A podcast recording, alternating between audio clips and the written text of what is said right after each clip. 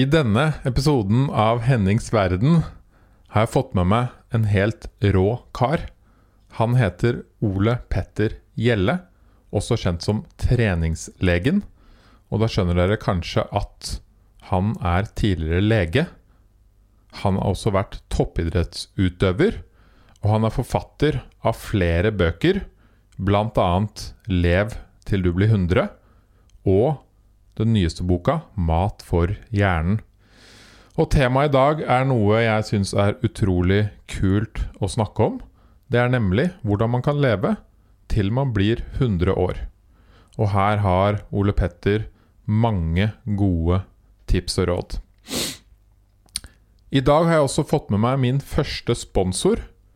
Jeg vil bare si at sponsorene som kommer til å være med på denne podkasten, er kun produkter jeg bruker selv.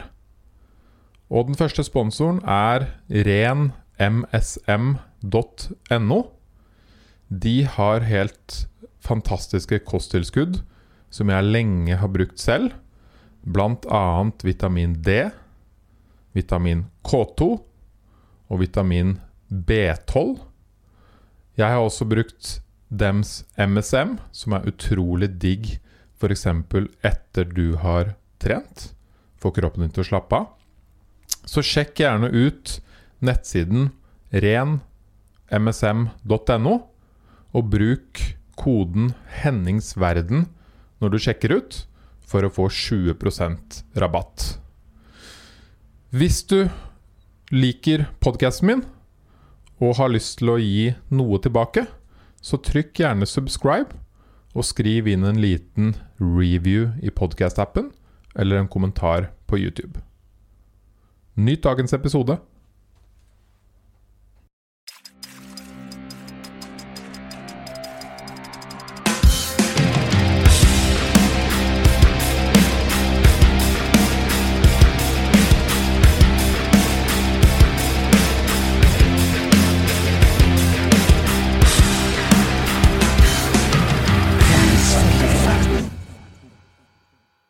Ole Petter, velkommen hit. da Takk Henning. Gleder meg.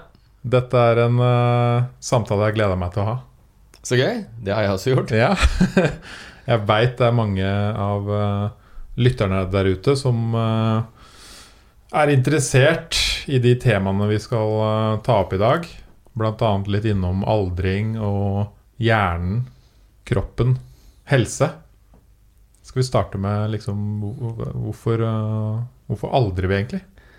Godt spørsmål. Hvis du eh, spør sånn den evolusjonsmessige grunnen til det, så er det vel ingen som kan si det, det er helt sikkert. Men vi vet jo at eh, alle, alle, dyr, inkludert mennesker, de eldes, og så til slutt så dør de.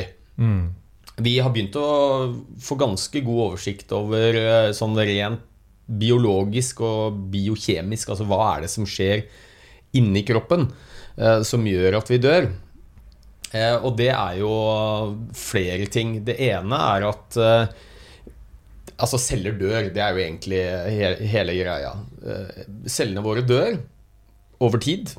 Flere og flere celler. Og det er jo sånn at fra du er 25 år gammel, så taper du f.eks. nerveceller tusenvis hver dag. Mm. Og så har ikke det noe praktisk betydning for deg, eh, de aller fleste iallfall, før du kommer langt opp i 70-årene kanskje, hvor mange vil merke at hjernefunksjonene begynner å avta noe. Man husker litt dårligere. Konsentrasjon, oppmerksomhet, motorikk Altså Det blir litt redusert. Eh, det som skjer, er jo da at celler dør over tid. Og hvorfor dør de? Eh, det er to viktige grunner til det. Vi har noe som heter programmert celledød som rett og slett er at eh, mange av cellene våre har en slags utløpsdato. Hmm. Og vi forstår ikke helt alle mekanismene, men, eh, men, vi ser det at eh, en del av cellene våre de har rett og slett en utløpsdato. Og når du kommer til det punktet, så dør de cellene. Tror du det Apoptose heter det. Ja. Ja, og, og, det er viktig i, uh, i, en del sammenhenger helt naturlig. F.eks. så har vi noen organer som er veldig viktige tidlig i fosterlivet. Noe som heter thymus. Eller brisselen, uh, som det kalles på norsk. da. For de som er glad i jakt, de vet jo hva en brissel er. Som skal utdanne immuncellene våre. Sånn at de lærer seg til å gjenkjenne eget vev som de ikke skal angripe, og, men gjenkjenne fiender som de skal angripe. Og når den jobben er gjort, det er liksom immuncellene sitter på skolebenken i thymus, og når de er ferdig utdannet, så sendes de ut i blodet, og så tilbakedannes thymus, for den trenger vi ikke lenger. Så da dør de cellene. Da har de en utløpsdato. Og sånn er det for en del eh, andre celler også. Så det er den ene, det som kalles apoptose, eller programmert celledød. Så vi forstår at cellene er programmert til å dø, men ikke helt hvorfor. Ja, Vi skjønner ikke alle mekanismene bak, nei. nei men vi har begynt å kartlegge ganske mye. Eh, og Grunnen til at man forsker mye på dette, er jo at dette er bl.a. noe vi ser ved en del hjernesykdommer. Sånn Alzheimer-sykdom og Parkinsons sykdom. Og hvis du f.eks. vet hvilke mekanismer som gjør at cellene dør på en gitt tidspunkt, så kan du gå inn terapeutisk og påvirke de prosessene. Kanskje stoppe de opp, og, som gjør at man faktisk kan ha behandlingsalternativer for mange av disse viktige sykdommene. Mm. Det andre er noe vi kaller nekrotisk celledød. Som, som, rett og slett er at det er en akkumulering av en rekke kjemiske stoffer eh, som eh, skader cellene over tid, som gjør at de dør. Og det kan være oksygenmangel, det kan være stråling, det kan være eh, allergiske reaksjoner. Det kan være veldig mye forskjellig. Så det er liksom eh, kort fortalt, da. Det er de to prosessene som gjør at over tid, når vi blir eldre, så er det flere og flere celler som både svekkes i funksjon, og så til slutt så dør de. Og da påvirker jo det viktige organfunksjoner som hjertets evne til å pumpe oksygen og nyrenes funksjon med å fjerne avfallsstoffer. Og til slutt da, så, så er det ikke nok eh, funksjon igjen, og da, og da dør vi. Mm. Uh, og det kan jo være mange ting som utløser akkurat eh, vi snakker jo om at man kan dø av sykdom, men man kan dø naturlig. Og det er jo litt sånn Ja, du kan få et hjerteinfarkt når du er 40, eh, og hjernens nerveceller er kanskje helt intakt, eh, og alle andre organer er intakte, men så stopper hjertet ditt, og da, da lever du selvfølgelig ikke lenger. Eh, eller, eller, skal man dø av såkalte naturlige årsaker, hvor det da i større grad er en litt sånn kollektiv svikt over tid på flere organer. Men til mm. syvende og sist er det jo hjertet som stopper. Ja. Og da dør du. Da dør du. Men det er jo Det er jo spennende du sier. Man, altså, noen dør når de er 40, og noen lever til de er 100. Nesten. Ja. Det er over 1000 100-åringer i Norge. Og det er ja. en av de raskest voksende aldersgruppene. Oi. Faktisk. Så vi ikke. lever jo lenger og lenger. Men samtidig, hva var det du sa til meg i stad, så er 70% før vi begynte jeg sa at 75% av befolkningen er definert som inaktive. Fysisk inaktive fordi de ikke møter myndighetenes anbefalinger om eh, bevegelse, som er 150 minutter i uka for en hm. voksen person. Én time om dagen for barn. Ok, men ok, vi, vi, venter litt med den. Vi venter litt med den, den aktiviteten. Ja. Jeg vil gjerne snakke litt mer om dette med, med aldring. Fordi, eh, som du sa, noen lever til de er 40 og så dør de. Og noen blir 100. Hva er det vi har lært om aldring? Hva som er viktig for, å, for et lengre liv de siste årene? Ja, jeg, jeg, tenker Når jeg skal svare på det, så kan det være lurt å, å skille litt mellom uh, på individnivå og på befolkningsnivå. For mye av det vi vet om aldring og hva som påvirker hvor gamle vi blir, det, skjedd, det, altså det ser vi på befolkningsnivå. Dvs. Si store undersøkelser av titusenvis, kanskje hundretusenvis av mennesker over tid. Da kan vi si ganske så sikkert hva er det som er viktig. La oss si at du har et mål om å bli 100. Da. Hva er det du skal fokusere på da i livet ditt? Mm. Det kan vi si ganske mye om. På individnivå så ser vi jo at uh, du har noen mennesker som kall det gjør alt riktig, tar de gode livsstilsvalgene. Sant? De beveger seg mye, de spiser sunt, de sover nok, de har gode sosiale relasjoner, de har tilgang til helsevesen altså, For å si sånn, de gjør alt riktig. Så kan du allikevel dø når du er 40. Ja. Av, av, kreft, ja, ja. f.eks. Eller i en bilulykke. Du har jo det motsatte òg. De som røyker til de er 95. Og så har jo jeg pasienter hvor jeg tenker at det er helt utrolig hvor mye en kropp tåler. For her har jo altså noen pasienter som jeg nesten kan mistenke for å ha prøvd å gjøre alt de kan for å ta livet av seg, men rett og slett ikke klart det.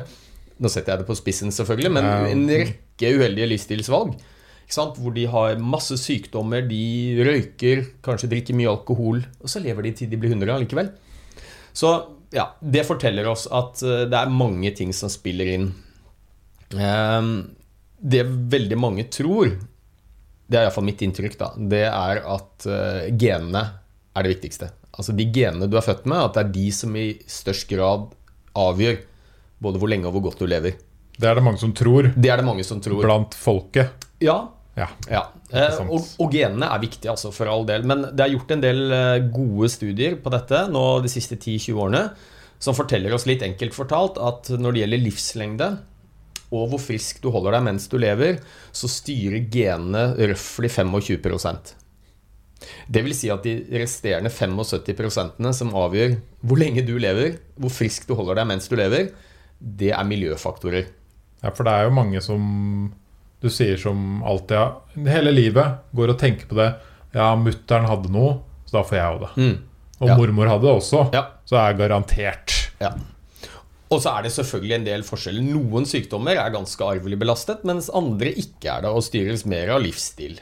Uh, ja, så 25 da? Røftlig. Hvis, hvis, hvis, du tenker målet er uh, å leve lengst og holde seg friskest mulig, så er det omtrent 25% av, av det som styres av gener. Det resterende av miljøfaktorer. Hvordan kan man uh, lære mer om hva som styres av gener hos seg selv? Er det som jeg sa, at hvis du ser at det er en sånn sykdom som har gått igjen og igjen og igjen i familien, at det da er tegn på at det er 25% sjanse på at det kommer tilbake? Ja, Tenker du hvordan du som individ kan finne ut hvor eh, Altså hvor, ja. Akkurat det med gener er jo litt uh, tricky. I dag så har vi jo en teoretisk mulighet til å få kartlagt genene våre. Så i teorien så kunne du fått kartlagt det vi kaller ditt genom, da. Som er uh, alt av arvemateriale som sitter på kromosomene dine. Som DNA-test. Ja, det men, har jeg gjort. Altså, men det gjøres ikke i praksis fordi det er en utrolig dyr og omfattende undersøkelse hvis du skal mm. kartlegge hele genomet. Eh, så det gjøres bare eksperimentelt. Eh, og det er en av de største gjennombruddene vi har hatt sånn rent medisinsk de siste tiårene. Det er jo at man har klart å kartlegge hele det menneskelige genom. Altså funnet ut hvilke gener sitter på hvilke kromosomer, og hva styrer disse genene.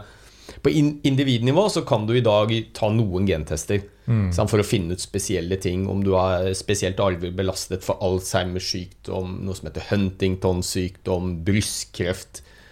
Men det er jo bare noen sykdommer vi kan teste det for. Eh, og så er jo det en stor diskusjon. Er det noe vi bør gjøre, eller er det noe vi ikke bør gjøre? Og her er det jo både noen fordeler og ulemper. For mange så vil det jo kunne være nyttig å vite hva slags gener man har, med tanke på om det er noen spesielle sykdommer man er genetisk utsatt for. Fordi så godt som alle sykdommer vi kjenner til, styres jo både av gener og miljø. Og det er klart, Hadde jeg fått vite at jeg var spesielt disponert for å få Alzheimers sykdom, så ville jo jeg visst at ok, de genene får jeg ikke gjort så mye med.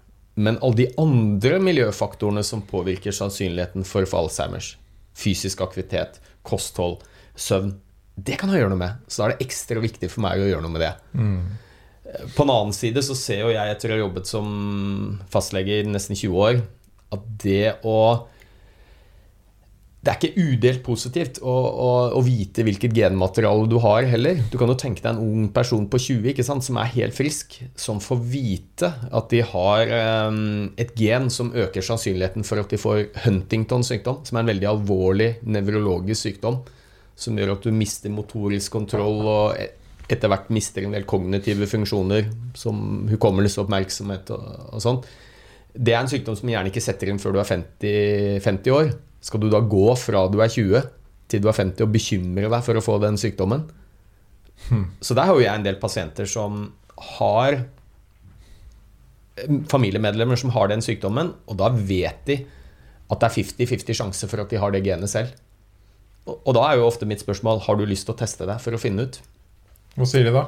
Nei, og Det er veldig delt. Der hadde jeg faktisk to uh, søsken to brødre som kom til meg og fant ut at faren, faren hadde fått Huntington-sykdom. Veldig alvorlig sykdom.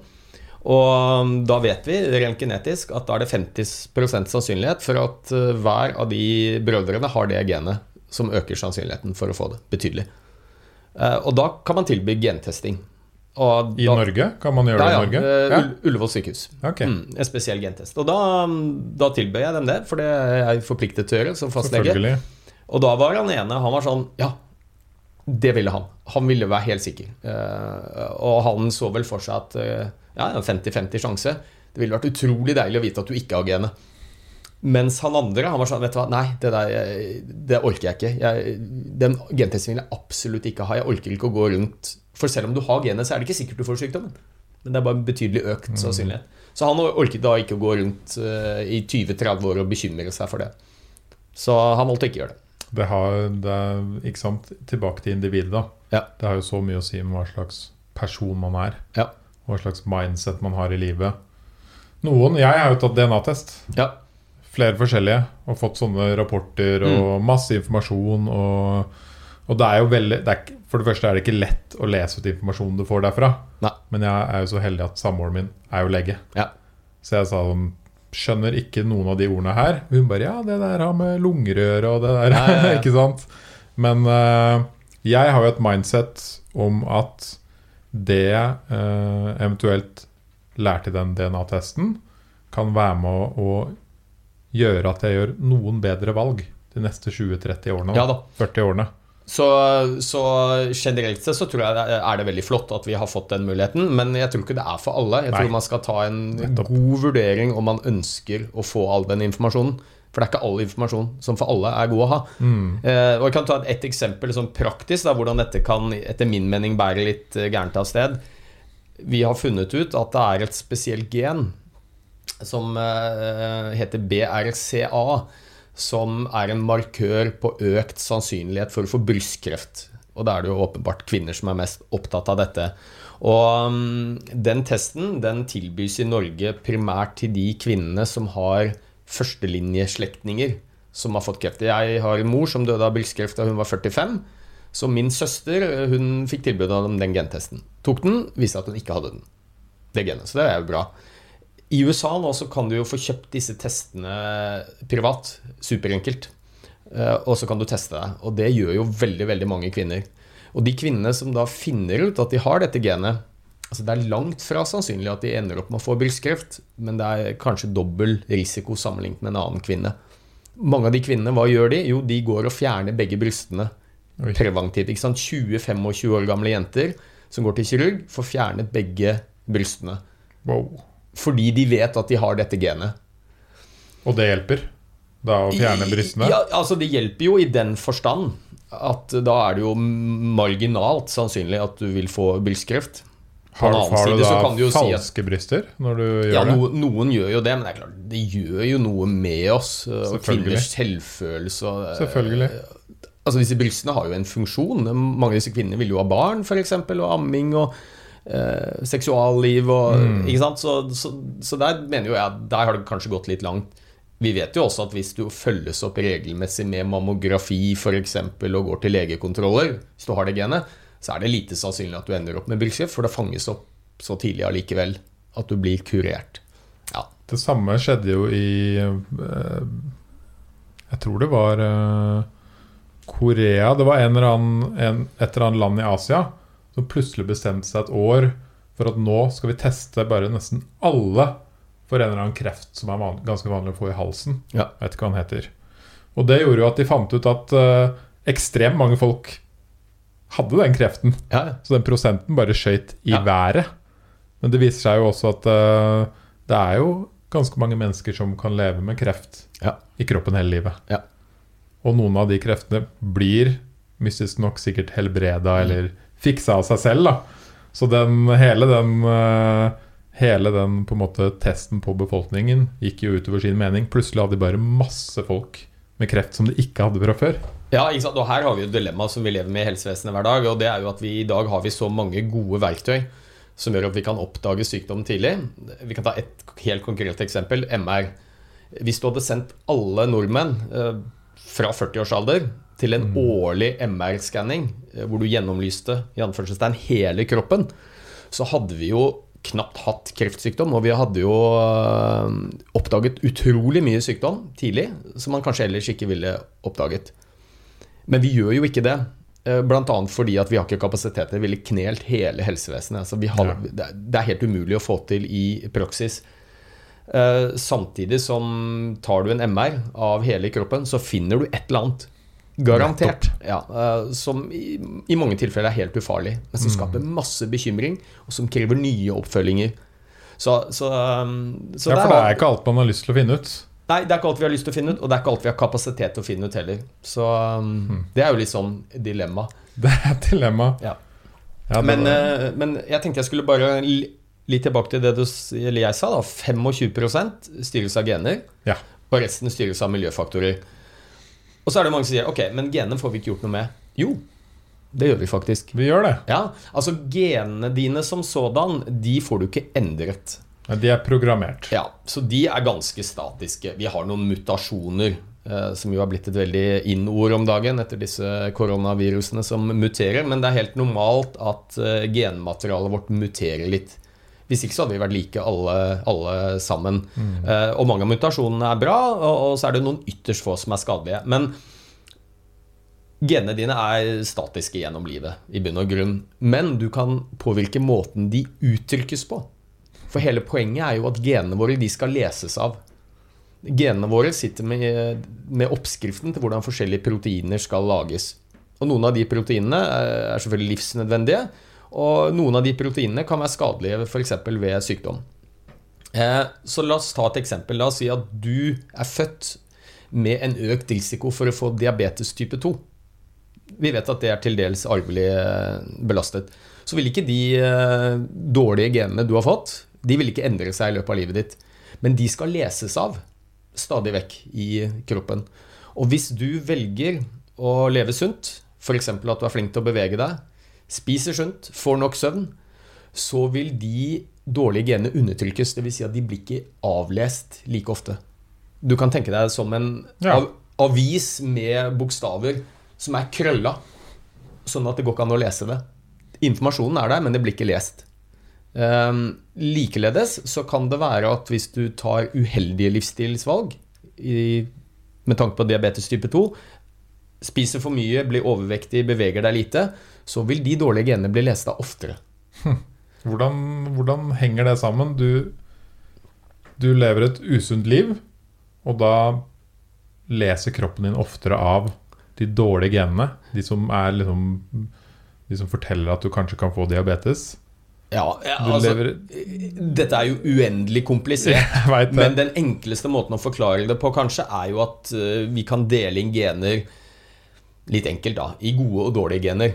Du har noen gener som øker sannsynligheten for at du skal få en sykdom, og så har du noen gener som beskytter mot de samme sykdommene. Så du har begge deler, gjerne. Og ved å leve sunt så kan du undertrykke de dårlige genene, sånn at ikke de blir avlest så ofte, og så kan du øke avlesningen av de gode som beskytter. Og et veldig konkret eksempel på det er jo f.eks. dette med diabetes type 2. La oss si at du er født med gener som øker sannsynligheten for diabetes type 2. Men hvis du lever sunt, så vil de dårlige genene undertrykkes. Så det er mindre sannsynlig at du får det. Men noe av det mest interessante Så du kan få ned den 25% sjansen, da. Ja, ikke sant? For du kan påvirke genene dine. Eh, men det som er kanskje mest interessant, er jo at en del av disse gode og dårlige genene de sitter på kjønnskromosomene våre. Det er jo de vi viderefører til Ja. barna våre. Sånn at eh, La oss si at du har da et dårlig gen som øker sannsynligheten for at du blir syk, men du lever sunt, så de undertrykkes. Og så viderefører du det til barna dine. De vil jo også få de samme genene. Men de vil fortsatt være undertrykket fordi du har levd sunt. Aha. Og det, og det er jo sånn et godt eksempel at eh, kvinner som røyker under svangerskap f.eks., de vil jo da få barn som har betydelig økt risiko for å få astma og kols. Selv om de barna aldri begynner å røyke. Så det er jo da motsatt eksempel. Ved å, leve usunt så mm, øker avlesningen av de dårlige genene dine, men det videreføres også til neste generasjon. Som andre ord, selv om du Ja, ikke sant. Så i bunn og grunn så betyr jo det at den reelle påvirkningen av gener er mindre enn 25 Ja. Fordi du kan påvirke de. Både positivt og negativt ved livsstilsvalgene dine. Dette kalles epigenetikk. som er et uh, Du hacker på en måte, da. Du Ja. hacker genene litt. Ja, altså du rett Du lar deg ikke bli med på det spillet. Nei. Så, um, så, det, så i bunn og grunn så betyr det egentlig at under 25 eh, i realiteten styres av gener. Iallfall hvis du tar gode livsstilsvalg. Ja. Mm. Og så er det 75% igjen. Nå er vi på 75-prosenteren. Ja, og, og det er jo miljøfaktorer. Og det er jo alt rundt oss. Den viktigste komponenten i miljøfaktorer er jo livsstilsvalg. Altså de valgene du tar i hverdagen. Eh, Men så er det jo noen tilfeldigheter også. Og jeg pleier å si det at du kan jo leve utrolig sunt, men du kan jo bli påkjørt eh, og drept selv om du har lavt kolesterol og fint blodtrykk. Men jeg vil bare kjapt tilbake til den med at du kan på en måte hacke genene dine litt. Ja. Gjelder det også når man har blitt eldre? Så Ja. at du er eh, 50 da, og har levd eh, ganske usunt hele livet, og så finner du ut Shit, dette kan jeg ikke gjøre lenger. Jeg må snu disse livsstilsvalgene, Ja. og jeg må begynne å pushe på de gode genene isteden. ja. Funker det på den måten òg? Ja, det, det gjør det. Og det aller beste, selvfølgelig, hvis målet ditt er å leve lengst mulig og holde seg frisk, så er det jo det beste er jo å ta gode livsstilsvalg Selvfølgelig. fra, helt fra starten. Men det er jo lett å si, ikke sant? Uh, Og det er det ikke så mange som får til. Nei. Uh, Og, og det er ganske forbløffende egentlig hvor sent du kan starte med å ta litt bedre valg i livet ditt, og det allikevel har en formidabel effekt. Og her er jo også noen eksempler. Røyking vet vi jo det er en av de mest skadelige tingene vi gjør for oss selv. Og det mangedobler risikoen for uh, mange viktige sykdommer. Hjerteinfarkt og kreftsykdommer. Og røykere lever i snitt 10-15 år kortere enn en ikke-røyker. Men det er jo studier som viser at la oss si at du er 50 år, da, og så har du røykt 20 sigaretter om dagen fra du har vært ungdom. Og så sammenligner du det med en person på samme alder, samme bakgrunn, som har gjort akkurat det samme som deg, men som ikke har røykt. Begge er 50.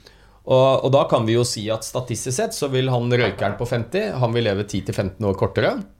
Han vil ha flere ganger økt risiko for hjerteinfarkt, hjerneslag, kols, en rekke forskjellige sykdommer. Men hvis sammenlignet med han andre som ikke har røykt, og så slutter han 50-åringen å røyke, og så møtes de ti år senere, nå er begge blitt 60, og da er det altså nesten ikke noe overrisiko for han eks-røykeren. Så han har tatt igjen. Altså I løpet av de ti årene hvor han har vært røykfri, så har han nesten hentet inn igjen. Ikke alt, men nesten. Men det er klart, det forutsetter jo at du da ikke har røkt på deg alvorlige sykdommer og nedsatt funksjonsnivå osv. Og, og mye av det samme kan vi se ved fysisk aktivitet. Det er aldri for sent å begynne. Altså Selv folk som begynner i 60-70-årene, vil eh, få en formidabel helsegevinst selv om de har vært inaktive fram til de er 60. Det er kjempespennende. Ja, så, da, så, da snakker man jo om å på en måte ikke reversere aldring, men vinne tilbake år ja, ja. som kommer senere i livet. Ja. Og jeg, jeg, har, jeg tenkte jeg skulle fortelle det, for jeg, jeg syns jo kongen vår, kong Harald, han har et veldig godt eh, perspektiv på veldig mye. Han er en eh, klok mann. Eh, han var på et TV-intervju for noen år siden med dronningen og en helsespesialist, treningsspesialist, hvor de kom inn på dette med fysisk aktivitet. Og jeg tror det var åpenbart at dronningen mente at kongen var litt lat, at han ikke beveget seg nok, så hun har visst mast ganske mye på han da, om eh, å komme seg i mer aktivitet. Og så ble kongen han er ganske tålmodig, men han ble litt lei, tror jeg, på, på, på direkten over konas mas. Så han henvendte seg til treningsspesialisten, og så sa han det. Du, sa ikke du i sted at det aldri var for sent å begynne å trene? Jo da, Deres Majestet, det stemmer det, sa treningsspesialisten. Og da snur kongen seg, og så sier han tørt til dronningen Ja ja, da kan jeg jo vente litt til, da.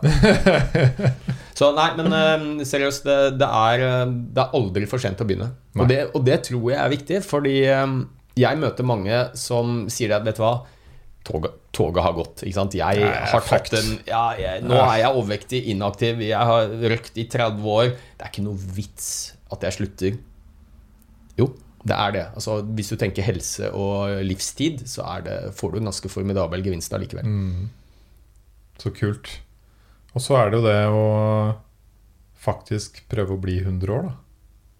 Hva er noen viktige ting vi har lært om den reisen der? Hvordan Hvis man tenker 'yes, jeg skal bli 100', Ja, hva er noe av det viktigste Jeg vet ikke om det er så mange som har noe isolert mål om å bli 100 Altså, Alle vil jo bli eldst mulig. Det er jo ingen som vil dø.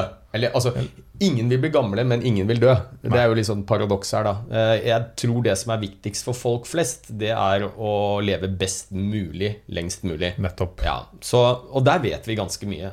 Og det er jo det jeg prøver å oppsummere i den boka, som da heter 'Lev til du blir 100'. Yes. Syv nøkler til et langt og godt liv. Konge. Det var profileringen her. Ja, Så da har vi genene på den ene siden, som vi nå er blitt enige om står for uh, maks 25 Iallfall hvis du tar gode livsstilsvalg, så Og betyr det litt mindre. du kan kjempe mot dem òg. Ja, det kan du. Kult. Hva er det ellers som påvirker? Og her er det mange faktorer. Jeg har påpekt eh, syv, som forskningen forteller oss er veldig viktig. Og mange av disse tingene vet jo mange. Eh, vi snakker f.eks.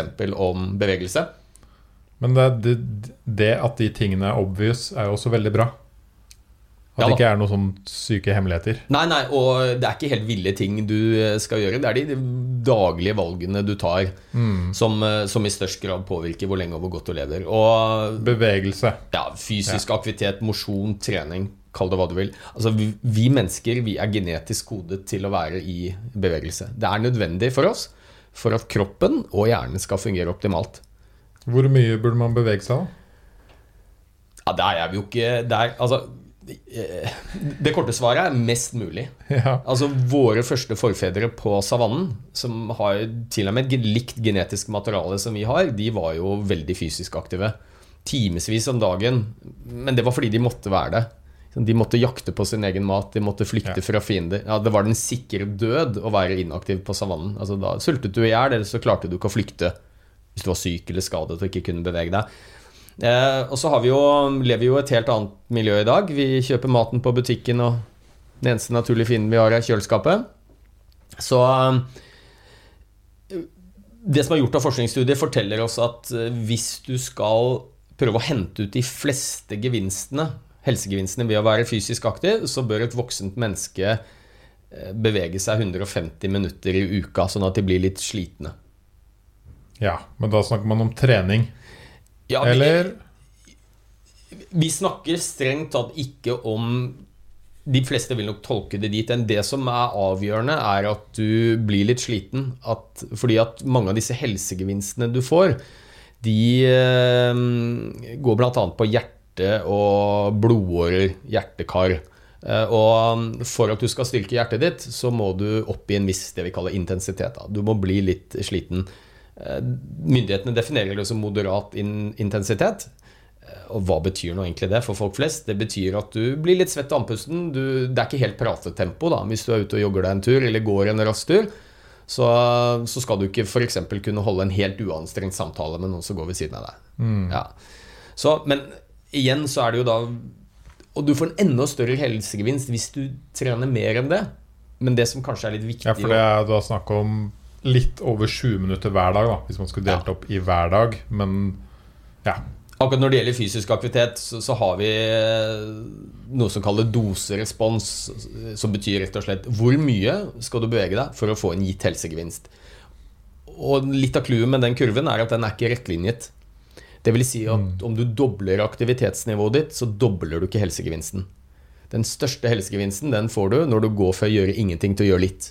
Da er du i den bratte delen av kurven. Tenk på det, er bra å vite for folk. da Gå fra ingenting til litt er sykt bra. Det er der den største gevinsten ligger. Eh, Å gjøre litt kan være å gå til butikken, sykle til butikken, jobbe i hagen, ta trapper på jobben. Så det er lavthengende frukter relativt sett. da? Eh, Og så må du gjerne trene mer, men kurven flater ut. Eh, Og på et eller annet tidspunkt så vil de aller fleste tenke at der står ikke gevinsten helt i forhold til innsatsen. Så sagt på en annen måte, det gir marginalt større helsegevinster å trene ti timer i uka. Det er jo ekstremt mye, men toppidrettsutøvere gjør jo det, og vel så det, eh, enn å ta 150 minutter i uka. Så man har prøvd å finne sånn knekkpunkt, da. Eh, Så det er det forskningen forteller oss. Klarer du 150 minutter i uka, så du blir litt svett av andpusten, uansett hva du driver med, gjerne ting vi ikke tenker på som trening, så, så henter du ut nesten alle helsegevinstene. Men du kan godt bevege deg mindre òg, og du får allikevel en formidabel gevinst. Og så For å prøve å kvantifisere det litt, da, eh, så er det gjort noen gode studier i USA som har sett på hvor mye folk beveger seg, og sett hvor lenge de har levd. Kort fortalt. Enkelt og greit. Ja, og så og snakker vi om hundretusenvis av mennesker. Og så har man regnet om, og så har man sett at i snitt så hvis du klarer da Dette tror jeg var ca. 100 minutter i uka. Hvis du klarer å bevege deg så du blir litt svett i andpusten 100 minutter i uka, så vil du for hvert minutt du beveger deg, få syv minutter med ekstra levetid. Altså syvgangeren på innsatsen din. Tenk det. Tenk deg, Du bør ikke være aksjemegler for å skjønne at det er en investering du Nei. bør gjøre. Alle kan uh, Altså, gange her, her, her vil du statistisk sett få igjen syvgangeren med marginal risiko. Altså, det er jo ikke noe risiko for noe særlig annet enn litt skader, og, Ja. men, men det er relativt risikofritt. Det er helt uh, amazing. Ja. Så det, men dette med 10 000 skritt om dagen, da? Er dette noe man burde gjøre i tillegg? Nei, altså, det er altså jo mye snakk om. Ja, eh, skrittmålere er jo en veldig enkel eh, og grei måte å se hvor mye du beveger deg på. Ehm, og de er fine, de, så 10 000 skritt er bra. Hvis du skal være i bevegelse 150 minutter i uka, så vil nok det være litt mer enn 10 000. Litt mer enn 10 000 Ja, hver dag. det kommer litt an på. Og så er det jo noen aktiviteter hvor du ikke kan måle skritt. Da? Sykling, f.eks. Det har- gir jo en veldig verdi. Så Det er jo derfor du ser syklister som er ute og sykler, og så sitter de og beveger armen mens de sykler for ja. styre. Det er for å få disse skrittene sine. Så, men eh, sånn, hvis man skal bli litt akademisk, så er det mm, større helsegevinst Den største helsegevinsten får du hvis du blir litt sliten. Høy puls. Ja, og antall skritt sier selvfølgelig ingenting om hvilken intensitet det er. Så sagt på en annen måte 10 000 skritt eh, ganske rolig hver dag er ok, ehm, men du ville fått enda større helsegevinst hvis du hadde halvparten så mange skritt, men ble skikkelig sliten. Mm. Så egentlig sånn Jo hardere du Jo mer sliten du blir, jo, jo færre minutter trenger du, da. For Ja, å få helsegevinsten. Hvorfor er dette med høy puls så viktig? At Nei. du får i gang kroppen og svetter og får opp pulsen? Ja, det er flere grunner til det. Den mest beskyttende effekten vi ser ved fysisk aktivitet, som jeg sa i sted, det går jo på hjerte- og blodårene. eh, Som bl.a. reduserer risiko for de sykdommene som tar flest liv i Norge. Hjerte-karsykdommer. Ja. Så, og, og da er du avhengig det er, det er jo litt som styrketrening. Hjertet er en muskel. Hvis du skal bli eh, skikkelig sterk og få større og sterkere biceps, så kan du ikke sitte med en tom melkekartong og drive biceps curls. Da, altså, da kan du holde på i tre døgn uten at du bygger noe særlig muskelstyrke, men får du på litt vekt og litt intensitet eh, og belastning, så styrker muskelen seg mer. Og Sånn er hjertet også. Hvis du belaster hjertet så du blir skikkelig sliten, så styrkes hjertet mer. Og da reduseres risikoen for hjerte-karsykdom. Eh, Når det gjelder hjernen, så vet vi at mange av de fantastiske tingene som skjer oppi hjernen, som styrker hjernefunksjoner, konsentrasjon, oppmerksomhet, hukommelse, humør og risikoen for å få sykdom i hjernen, de krever eh, et kjemistoff som heter laktat. Melk. Melkesyre. Melkesyren står for mange av de fantastiske effektene fysisk aktivitet har på hjernen vår. Og må du, Melkesyren du kjenner i kroppen. ja, som vi mennesker tenker på som et avfallsstoff. Ja. Det er det som gjør at du ikke rekker bussen fordi du eh, er litt seint ute, eller du ikke perser på runden din når du løper og du blir stiv i muskulaturen. Men melkesyre, eller laktat, da, som det heter på latin, det er et veldig viktig energisubstrat for hjernen. Så vi bruker det som energi, og så er det det som setter i gang en sånn kjemisk reaksjon som gjør at vi ender opp med å lage mange andre kjemiske stoffer som styrker hjernens funksjoner. Så kort fortalt, det er hvorfor eh, høy intensitet og det å bli sliten gir en enda større helsegevinst enn roligere intensitet. ja. Men alt er bra, altså. Og det er jeg veldig påpasselig med å si at absolutt alle monner drar, om det så bare er en subbetur å gå til rolig til butikken, så vil det faktisk gi en ganske formidabel helsegevinst versus det å hver dag ta bilen. Ikke sant? Jeg, eh, jeg har jo skjønt hvor eh, enkelt det er å ikke bevege seg når man bor i by. For Mm. Nå har vi både de scooterne, og vi har kollektivtrafikk som er veldig bra. Ja. Og da kan du basically bare ta heisen, tusle ut, gå ti meter, hoppe på en scooter som kommer deg helt fram til en dør, eller gå bort til en buss som så å si gjør det samme. Ja, og, og her er vi inne ved et uh, utrolig paradoks. Og det er jo at i dag så vet vi, og nå snakker vi om fagfolk, men folk flest også Jeg har ennå ikke møtt en nordmann som ikke vet at fysisk aktivitet er bra. At det er viktig å bevege seg. Det er bra for helsa, både kroppen og hjernen. Så i dag så vet vi mer enn noensinne om hvor viktig regelmessig bevegelse er for helsa vår. For barn, unge, voksne og gamle. Eh, allikevel så beveger vi oss mindre enn noensinne. Og nordmenn flest gjør alt de kan for ikke å bevege seg. Mm. Nå setter jeg ting på spissen. Og det handler jo mye om at vi har bygget et samfunn som er fullstendig tilrettelagt for inaktivitet. Altså, du, Ja, er trenger, du trenger jo virkelig ikke Og det er jo litt av baksiden til den eh, økonomiske skal vi si, gullalderen vi har hatt da, i mange, mange vestlige land. Vi har så god økonomi at vi kan eh, utvikle forskjellige transportmetoder så vi slipper å bruke energi selv. Vi har selvfølgelig biler, vi har motorsykler, vi har elsparkesykler, vi har rulletrapper, vi har heiser, vi har fly. Vi trenger ikke å bevege oss lenger i hverdagen. Vi, altså, vi har til og med robotstøvsugere, så vi slipper å støvsuge Ja, hjemme. Akkurat den er jeg glad for. Jeg også, faktisk. Jo, men mye av grunnen til at eh, vi blir mer og mer inaktive som nasjon, det handler ikke om at det er færre som trener. Det at vi går opp i vekt, handler i, i liten grad om at vi spiser flere kalorier enn vi gjorde før. Så gjennomsnittsnordmann, mann Da jeg studerte medisin på midten av 90-tallet, så veide en gjennomsnittlig norsk mann 70 kilo. Han finnes jo ikke lenger, for i dag veier han over 80. Og det handler ikke om at kilo opp. ja. Eh, og, og det handler ikke primært om at vi spiser flere kalorier. Det er rett og slett det at vi har mye mindre hverdagsaktivitet. Ja. Det er mange som trener, eh, og vi spiser ikke så mye mer, men vi beveger oss mye mindre i hverdagen fordi vi ikke trenger det. Og, og bare denne koronapandemien Ja, har jo vist jo- det ganske tydelig. Når voksne ikke lenger må ta arbeidsplassen sin for å jobbe, men har hjemmekontor, så vil gjennomsnittsnordmann bevege seg halvparten så mye i hverdagen. Ikke sant. Fordi vi beveger oss mye som altså ting vi ikke tenker over. Vi tusler til T-banen, vi tusler til bilen, parkerer, går inn. Alle de meterne er verdt det. Ja, vi går til lunsjrommet, vi går til kaffemaskinen, vi går til en kollega for å prate. Mm. Og så plutselig så sitter vi hjemme, og det eneste vi gjør, er å gå fra hjemmekontoret inn, på, inn til kjøleskapet. Ja, jeg har merka nå er det jo enda vanskeligere, fordi i hvert fall i under uh, begynnelsen av korona så kunne man liksom tusle på kafeer og liksom gå rundt, sitte litt på kontoret kanskje, og så være litt forskjellige steder. Men nå er jo alt stengt i tillegg. Så nå sånn, nå veit jeg ikke hvor jeg skal gå ut, Nei. hva jeg skal gjøre. Og alle jeg har møte med online, de er sånn Jeg har ikke gjort noe i hele dag. Nei, nei. Jeg veit ikke hvor jeg skal gå. nei ikke sant? Og, og, og det tenker jeg at hvis vi har et mål om at folk flest skal bevege seg litt mer, så handler ikke det bare om individene. Altså Det er jo selvfølgelig vårt ansvar som individer om vi skal bevege oss eller ikke. Men igjen så er jo dette store paradokset da, hvor jeg pleier å si at tenk deg om fysisk aktivitet hadde vært en pille. Alle de fantastiske tingene som skjer med hjernen og kroppen når du beveger deg. Hvis det hadde vært i pilleform, så hadde vi jo tatt pillen alle sammen.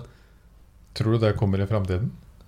Eh, nei, det tror jeg ikke. Eh, jeg, håper, jeg håper det vel heller ikke. Eh, så, så litt av grunnen til at det er vanskelig for mange å bevege seg som de aller fleste vet er bra for helsa, det er rett og slett at eh, det er litt vanskeligere å ta de gode valgene i hverdagen fordi vi, alt er så tilrettelagt for inaktivitet. Og det er jo ikke bare det at eh, samfunnet er tilrettelagt for inaktivitet, det er jo til og med litt sånn bevegelsesfiendtlig. Ved at vi f.eks. putter kjøpesentre Hvor putter vi de nå?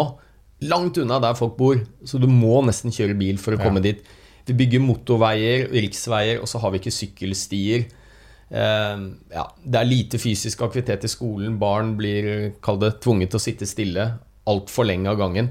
Altså, vi gjør det vanskelig for oss selv. Mm. Så, så det tenker jeg at hvis målet er å bedre folkehelsa, så flere nordmenn kan bli, leve lenge og være friske, så har myndighetene viktige ansvar. Det er, vi, det er vi som individer som må ta de gode valgene, men myndighetene kan tilrettelegge litt, så det blir litt lettere for oss å ta de gode valgene. Ja, absolutt. Ja. Så um, det var iallfall fysisk aktivitet. Det var jo den ene. Viktig å bevege seg. Ja. Og Og- om man, om man uh, går fra ingenting til litt, så er det helt fantastisk. Alle måneder drar, og, og det er aldri for sent å begynne. Mm. Så det er, én ting. Kosthold. det er litt, vi, vi kan jo ta det før vi går videre. Det snakka vi om før vi starta opptak her, er jo det med eh, Det er så mange som setter seg for hårete mål Mm. når de skal bevege seg. Som gjør at du sant, jeg, Neste uke skal jeg trene fem ganger. Mm. I to timer hver gang. Ja. Men jeg har ikke trent på fem år. Ja da, og det eh, Spesielt synlig blir jo dette sånn rundt eh, nyttår. Det snakket vi litt om, at det er veldig mange nordmenn som har nyttårsforsetter.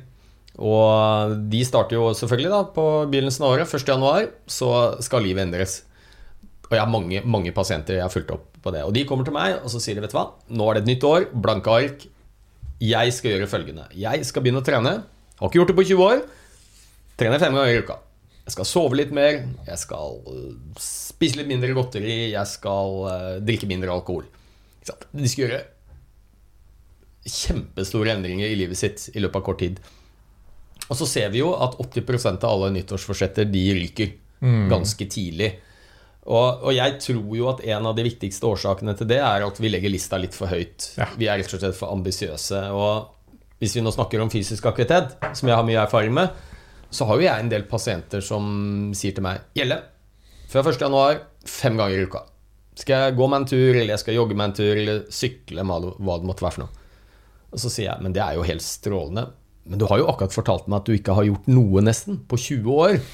Vi skal ikke starte med to ganger i uka da, istedenfor fem. Ha det som et mål. Så er de litt sånn skeptiske. Jo, men jeg vil jo virkelig klemme til når jeg først skal gjøre en endring. Men så er det jo noe med at eh, hvis du har som mål å trene fem ganger i uka, som er ganske mye, iallfall når du ikke har gjort det på mange år, og så klarer du tre, så er jo tre veldig bra. Men du har sendt et signal til hjernen din om at du har feilet. For målet var fem, du klarte tre. Hvis du derimot har som mål å trene to ganger i uka, og så klarer du tre Du har ikke trent noe mer, vunnet. men du har vunnet. Det er en seier. Ja, og det tror jeg er veldig undervurdert, dette med mestringsfølelse og mestringstillit. Det er et basalbehov hos oss mennesker. Føle at vi mestrer og får ting til. Eh, Og da tror jeg noe av det viktigste du gjør, det er å ikke legge listen for høyt. Ja. Igjen, jeg hadde en pasient som skulle gå for å være inaktiv. Eh, Og så hadde han som mål å løpe Oslo Maraton. Det hadde han alltid drømt om. 42 km. Og da snakker vi virkelig om et kvantesprang fra A til Å. Fra sofaen, overvektig, inaktiv, til å løpe Oslo Maraton. Og det er veldig kult. Det er, det er fint å ha et mål langt foran deg som er litt sånn hårete, og, og hvor du må utfordre deg sjøl. Men som jeg sa til han, før du kommer fra A til Å, så må du via B, og så C. Så, så da kan jo Og det er det de uh, ofte snakker om og som å heller se på systemet og prosessen. Ja. Hvordan skal den funke fram til maratonet, enn å fokusere så mye på maratonet. Nemlig. ikke sant? Små steg av, eh, av gangen, og så bygger du stein for stein. Så for han så var første mål, gå fra A til B, det var rett og slett å fysisk gå til butikken. Kjøpe joggesko. Ikke sant? Det var første uken. Uh, uke nummer to så skal han tusle seg en tur på 30 minutter. Det var fra B til C. Og så bygger du sånn. Uh, og han gjennomførte Oslo Maraton, han. Klarte det. Og så vinner du hver uke. Ja, Så vinner du hver uke. Så det tror jeg er litt av nøkkelen, altså. Kult. Mange små delmål. Ja. Skape mestring. Og så unngår du selvfølgelig kan- risiko for skader og mye annet også. Mm, Og at du blir lei. ikke sant? Mm. Og det er jo den quoten man, uh, man overvurderer ofte hva man klarer på ett år, og undervurderer det man klarer på tre Ja. eller fem. Ja. Og det kan man også si om måneder. Ikke sant? Man er veldig god på å overvurdere ah, Innen den måneden her skal jeg få til sykt mange fete ting. Ja. Eh, men man burde kanskje tenkt tre eller seks eller ett år. Om ett år, da skal jeg være i god joggeform. Ja. Da har jeg klart det. Ja. Og det krever at jeg ikke liksom må beine eh, to timer i morgen og to timer på onsdag og på fredag. Ja. Men jeg kan starte rolig og bygge meg oppover. Gi deg selv god tid. Mange små delmål. Men der, og der jobber vi også litt mot hjernen, for hjernen vår er veldig opptatt av en umiddelbar gevinst. Vi skal jo gjerne få gevinsten med en gang. Ja. Så aller helst så ville vi jo løpt Oslo Maraton dagen etterpå, hvis det var målet. Men det er ikke så lett å få til. Nei. Så, ja. Ok, Uh, videre. Mat? Ernæring? Mat, mat uh, er åpenbart viktig. Uh, maten vi spiser, påvirker absolutt alle celler i hele kroppen. Og det er jo masse meninger om hva er et sunt kosthold. Og um, du kan jo bli litt forvirra. gå inn i eh, ja, på nettaviser, i aviser Altså, og det er jo så mye råd nå at det er helt- Vi blir jo bombardert med alle disse easy quick fixes på hvordan vi skal spise sånn og sånn for å leve lengst mulig. Og dette er jo en superlang diskusjon, men hvis målet er å leve best mulig og lengst mulig, så er det via forskningen iallfall godt dokumentert at det er én en type kosthold. For jeg, jeg tenker det er litt sånn meningsløst å snakke om sukker, antioksidanter, omega-3 fettsyre isolert. Vi kan godt snakke litt om hvilke komponenter i maten som er sunne eller usunne. Men vi spiser jo ikke antioksidanter. Eh, altså, vi spiser mat. Ikke sant? Ja, så jeg tenker Hvis du ser på et samlet kosthold, så er det veldig godt dokumentert at eh, det som eh, populært kalles et middelhavskosthold Nå borer Ja, naboen ut her, det. Det er vel litt av risikoen ved å bo i et prosjekt her hvor det bygges. Så, um, så er det et middelhavskosthold som er best dokumentert at er med på å øke livslengde og redusere risiko for sykdom. Middelhavs, hva Ja. legger man i det? Det hele startet med at man gjorde noen store observasjonsstudier for å finne ut hvor i verden er det folk lever lengst. Og, og hva er det disse menneskene har til felles. Og da fant man noe som heter blue zones. Og det var rett og slett at Forskerne fant fem områder i verden hvor innbyggerne skilte seg ut ved at de hadde betydelig lengre livsløp da, enn områdene rundt. Altså i samme land, kanskje, eller naboland. Eh, og da lagde de noen blå streker på kartet. Eller blå, blå sirkler. Blue zones. Og det er bl.a. Kreta, Sardinia, et sted som heter Loma Linda i eh, USA, og så er det et sted i Hakin, Hok- Hok- Hokinawa, tror jeg det heter, i Japan. Så det er altså fem områder. Og så har de kartlagt disse menneskene. Altså, er det genene deres som gjør at de lever så lenge? Er det fysisk aktivitet? Er det eh, lite alkohol? Hva er det for noe? Og det som sto ut klart og tydeligst, var at de hadde ganske like kosthold. Ja. Mye av det andre klarte de å korrigere for, og så satte de igjen med at sannsynligvis så er den viktigste årsaken kostholdet. Eller iallfall en av de viktigste årsakene. Og husk, dette er vidt forskjellige områder av verden. ja, veldig. Så de spiste jo forskjellig type mat, men eh, det var mye som var felles. Og, og da viste det seg at det lignet på det som man gjennom tusenvis av år har spist i middelhavsland. Hva er det for noe? Jo, kort og godt så er det mye frukt og grønt, som spesielt inneholder mye antioksidanter. Og vi var jo inne på dette med aldring. En av de aller viktigste tingene for å unngå celledød, det har et godt antioksidantforsvar. Vi mennesker vi lager jo noe vi kaller frie oksygenradikaler, som er giftige stoffer, som er helt naturlig når vi forbruker oksygen. Og jo lenger vi lever, jo flere av disse frie oksygenradikalene lager vi. Og de nøytraliseres av antioksidanter. Som vi enten lager selv, eller som vi må få i oss gjennom kosten.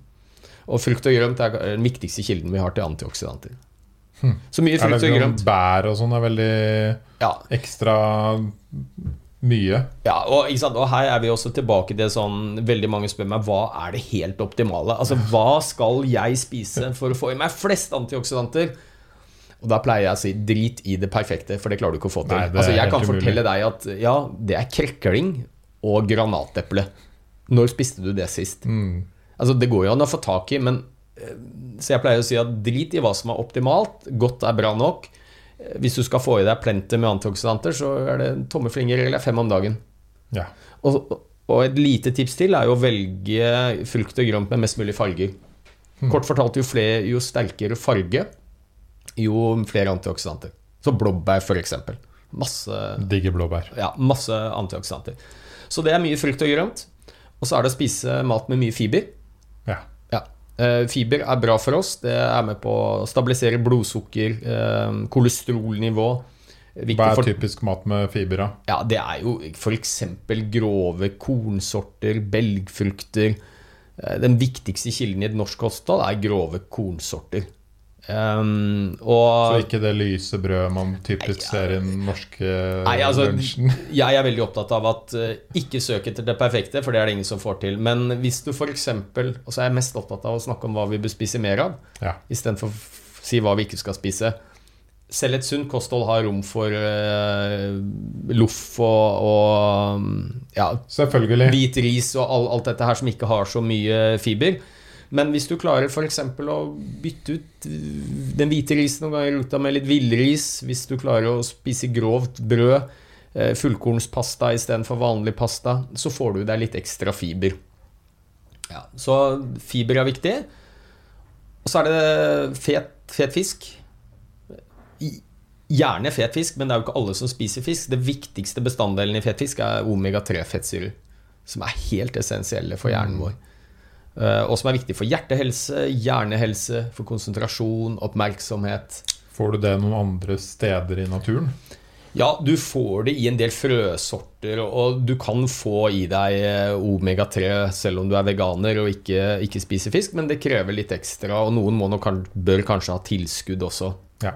Så, men disse omega-3 Spiser du fisk par-tre ganger i uka, og halvparten av de fiskemåltidene er fet fisk, laks, ørret, sild, makrell, så får du i deg plenty med omega-3. Ja. Du kan også få det via trantilskudd, ja. som viser seg å være like effektive som de dyreste omega-3-kapslene du får kjøpt fra krill God fra Barentshavet. Ja, ja, det er egentlig ofte det beste. Um, hvis du får i deg for lite omega-3-fettsyre gjennom maten, så er tilskudd helt ok. Mm. Eh, Men det viser seg at um, det er bedre å få i seg disse egentlig alle næringsstoffene naturlig enn via tilskudd. Ja. Så har du et balansert kosthold, eh, ikke har noen sykdommer, og, mm, så, så er det få tilskudd vi trenger. Noen få unntak. Folsyre for gravide. Men, men Vitamin D. Vitamin D hvis du eh, Kanskje spesielt hvis du er fra innvandrerbakgrunn, har veldig mørk hud. Da får du mye mindre D-vitaminproduksjon i lyset. Um, og hvis du lever i områder hvor det er mørkt store deler av året, så, så, så kan D-vitamintilskudd også være greit. Men det, det er best å få det gjennom fisken. Det er hele poenget mitt. Ja, ja. Ja. Så um, Men den dietten du snakker om, den Det er jo egentlig bare digg mat. Som vi er ganske vant til. Ja, og så kan jeg jo si litt av hva de spiser lite av. De spiser relativt lite rent sukker, søtsaker, og så spiser de eh, lite prosessert mat. Der tror jeg vi har eh, en av de viktigste tingene som eh, man kan gjøre en forandring i livet, da. For Ja. mange. Ja.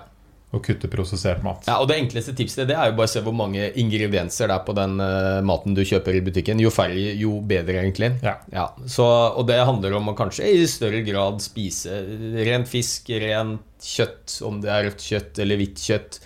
Uh, og kanskje unngå Ikke spise altfor mye av blandingsprodukter med pølser og hamburger og altså mat som er virkelig prosessert. da. Så, mm, og så er de moderat på alkohol. Ja. Men dette er jo et kosthold som i bunn og grunn er ganske likt det helsemyndighetene i Norge anbefaler. ja. Men det er litt mer fokus på å bruke planteoljer. Rapsolje, olivenolje, som inneholder veldig mye sunne fettsyrer. Kokosolje, eller? Tja, det er, det er nok eh, ikke helt i samme gate, men, eh, men det de spiser ganske lite av, er fete meieriprodukter. Ok. Ja. Så heller feit olje. Ja.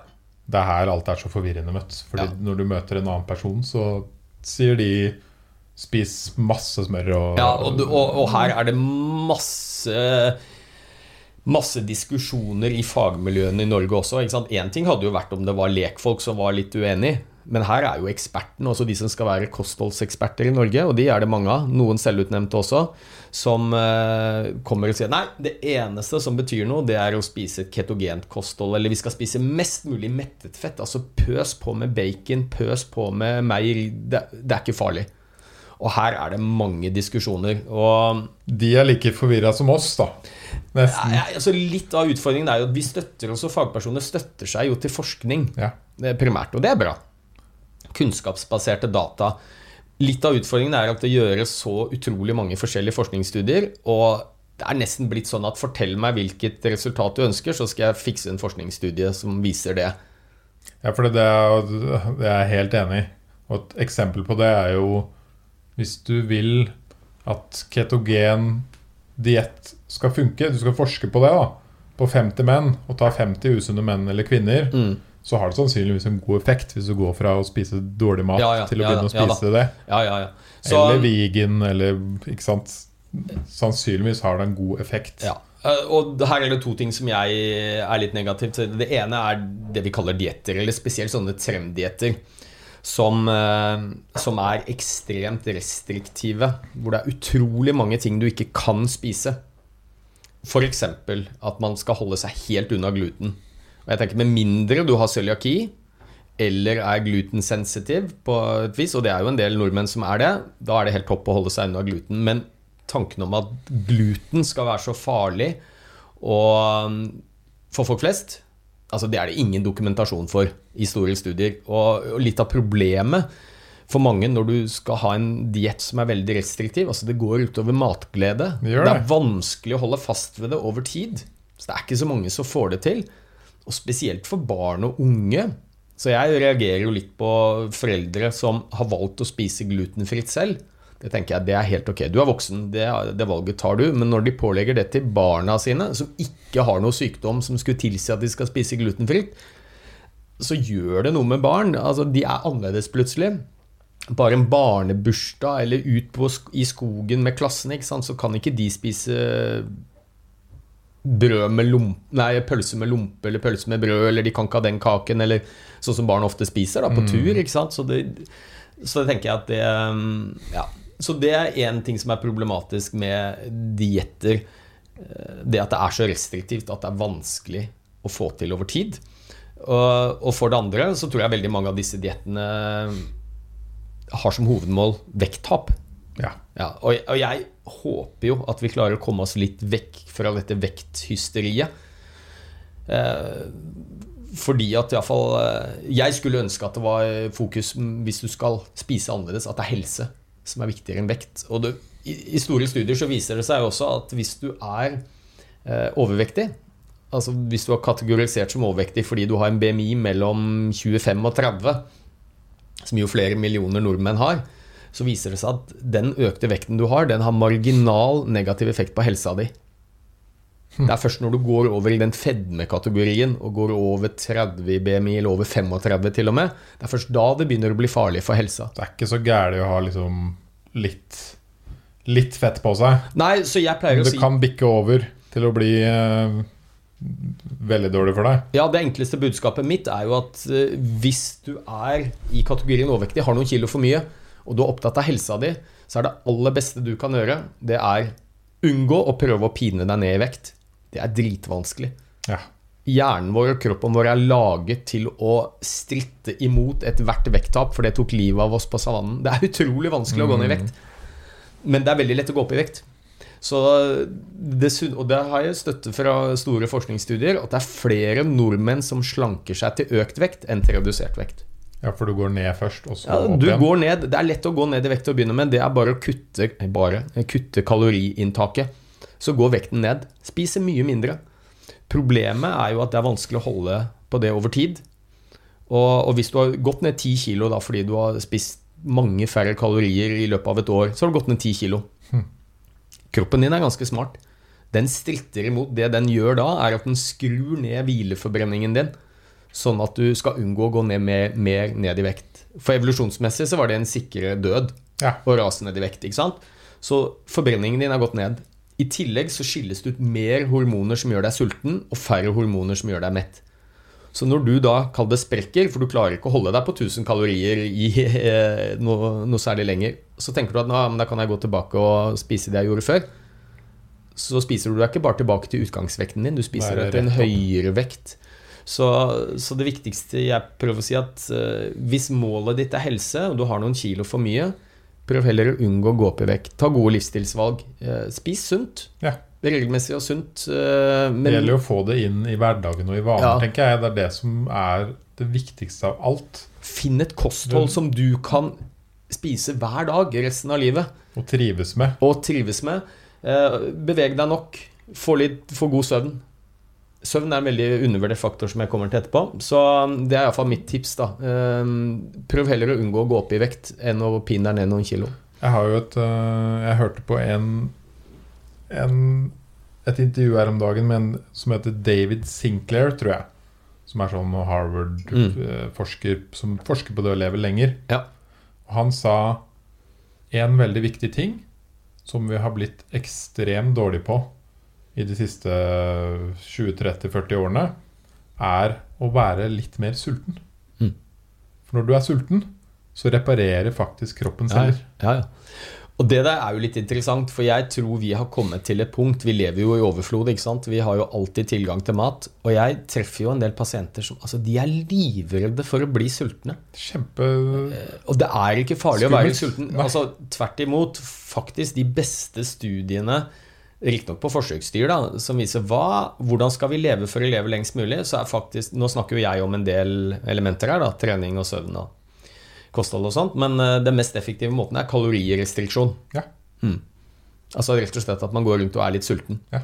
Mm. Eh, det er Og det er jo ekstremt interessant. Ja. Eh, når jeg vokste opp, så skulle man jo spise hele tiden. Mellommåltid. ja, og ja, ja. Ja, du er sulten. Nei, nå må du få deg en banan, og du må ha deg noe frukt der og der. Og pass på å ikke være sulten. Ja, Var det er liksom det ikke farlig å være sulten. Du fungerer godt. Altså, du kan hoppe over eh, La oss si at du ikke rekker å spise frokost. Altså, du fungerer faktisk helt bra, både fysisk og mentalt. eh, selv om du er, er sulten. Vi har fantastiske mekanismer som henter ut overskuddsenergi.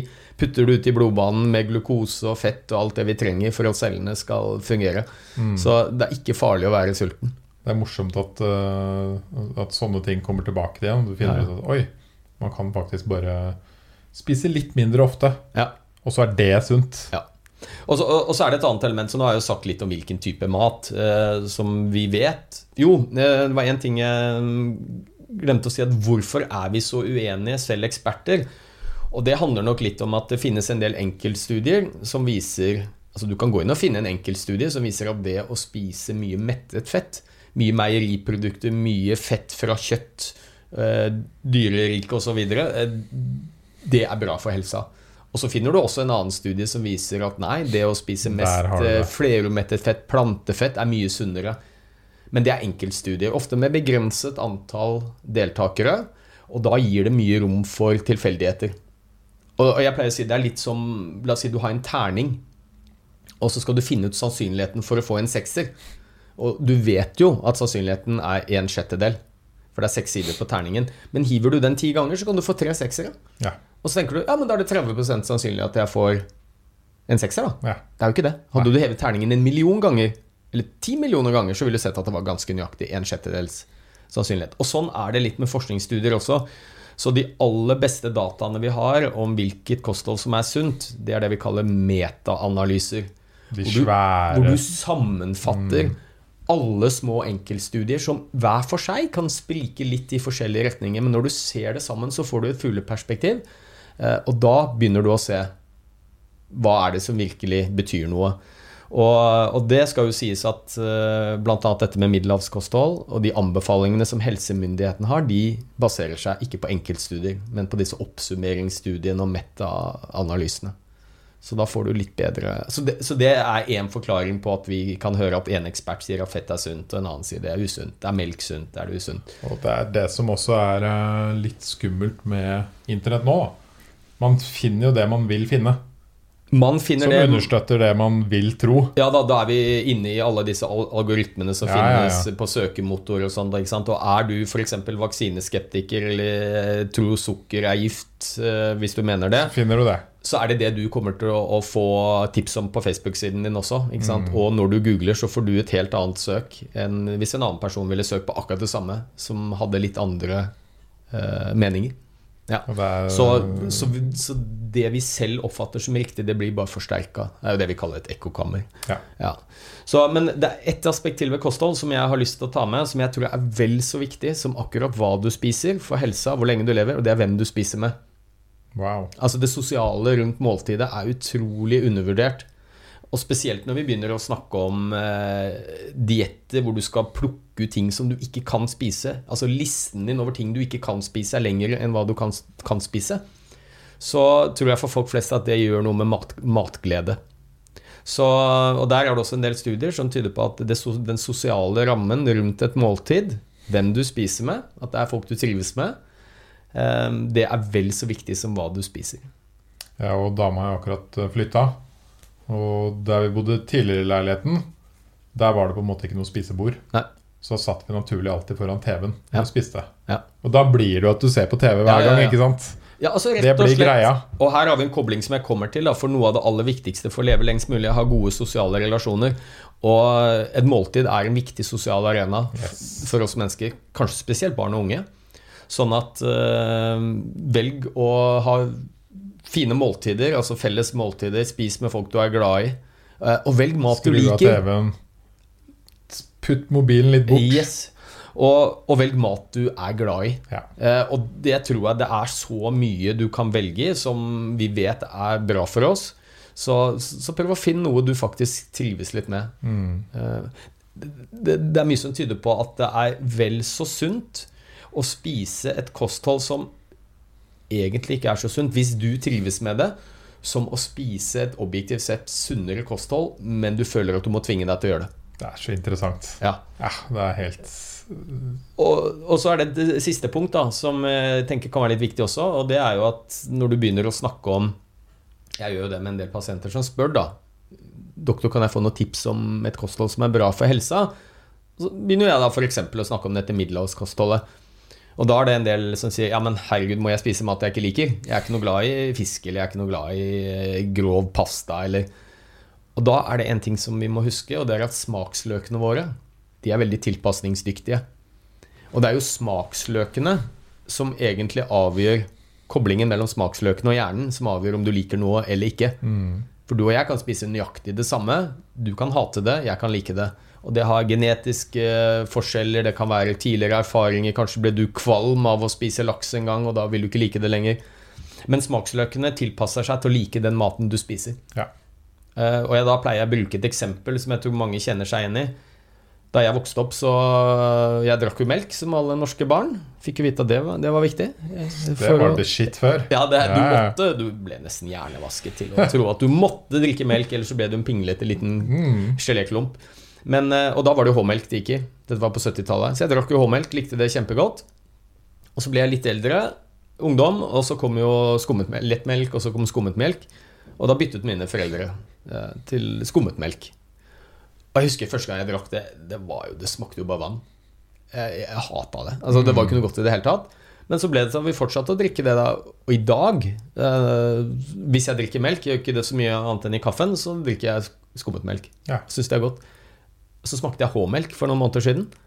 Og det, eh, plutselig så smaker det som fløte. Nå syns Ja, jeg jo ikke det er noe godt. Så, så det er verdt å huske, altså, at uh, vi liker den maten vi spiser. Mm. Så hvis du har bestemt deg for å ta noen gode valg, selv om du kanskje umiddelbart tenker at pommes fritesen var bedre enn disse kokte potetene, eller uh, ja, disse fiskefingrene panerte var bedre enn laksen jeg spiser, så, så husk at uh, det, det går seg til. Ja. Det har veldig mye med hva du er vant til, ikke Ja. sant.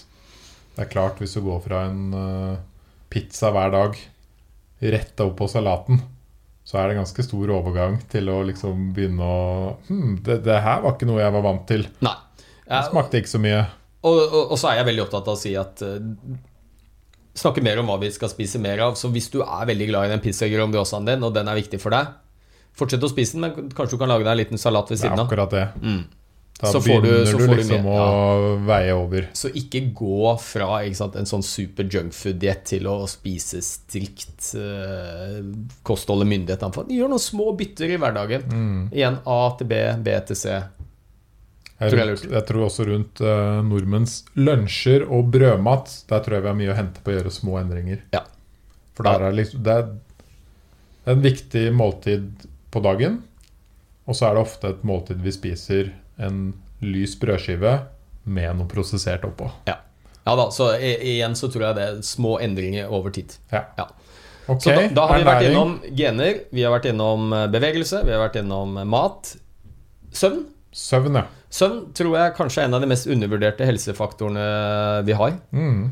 Og søvn for oss mennesker det er et basalbehov på lik linje med å spise. Faktisk så lever du lenger uten mat enn uten søvn. Ja, du blir jo helt gal. Ja, men altså lever. Du dør Ja. fortere.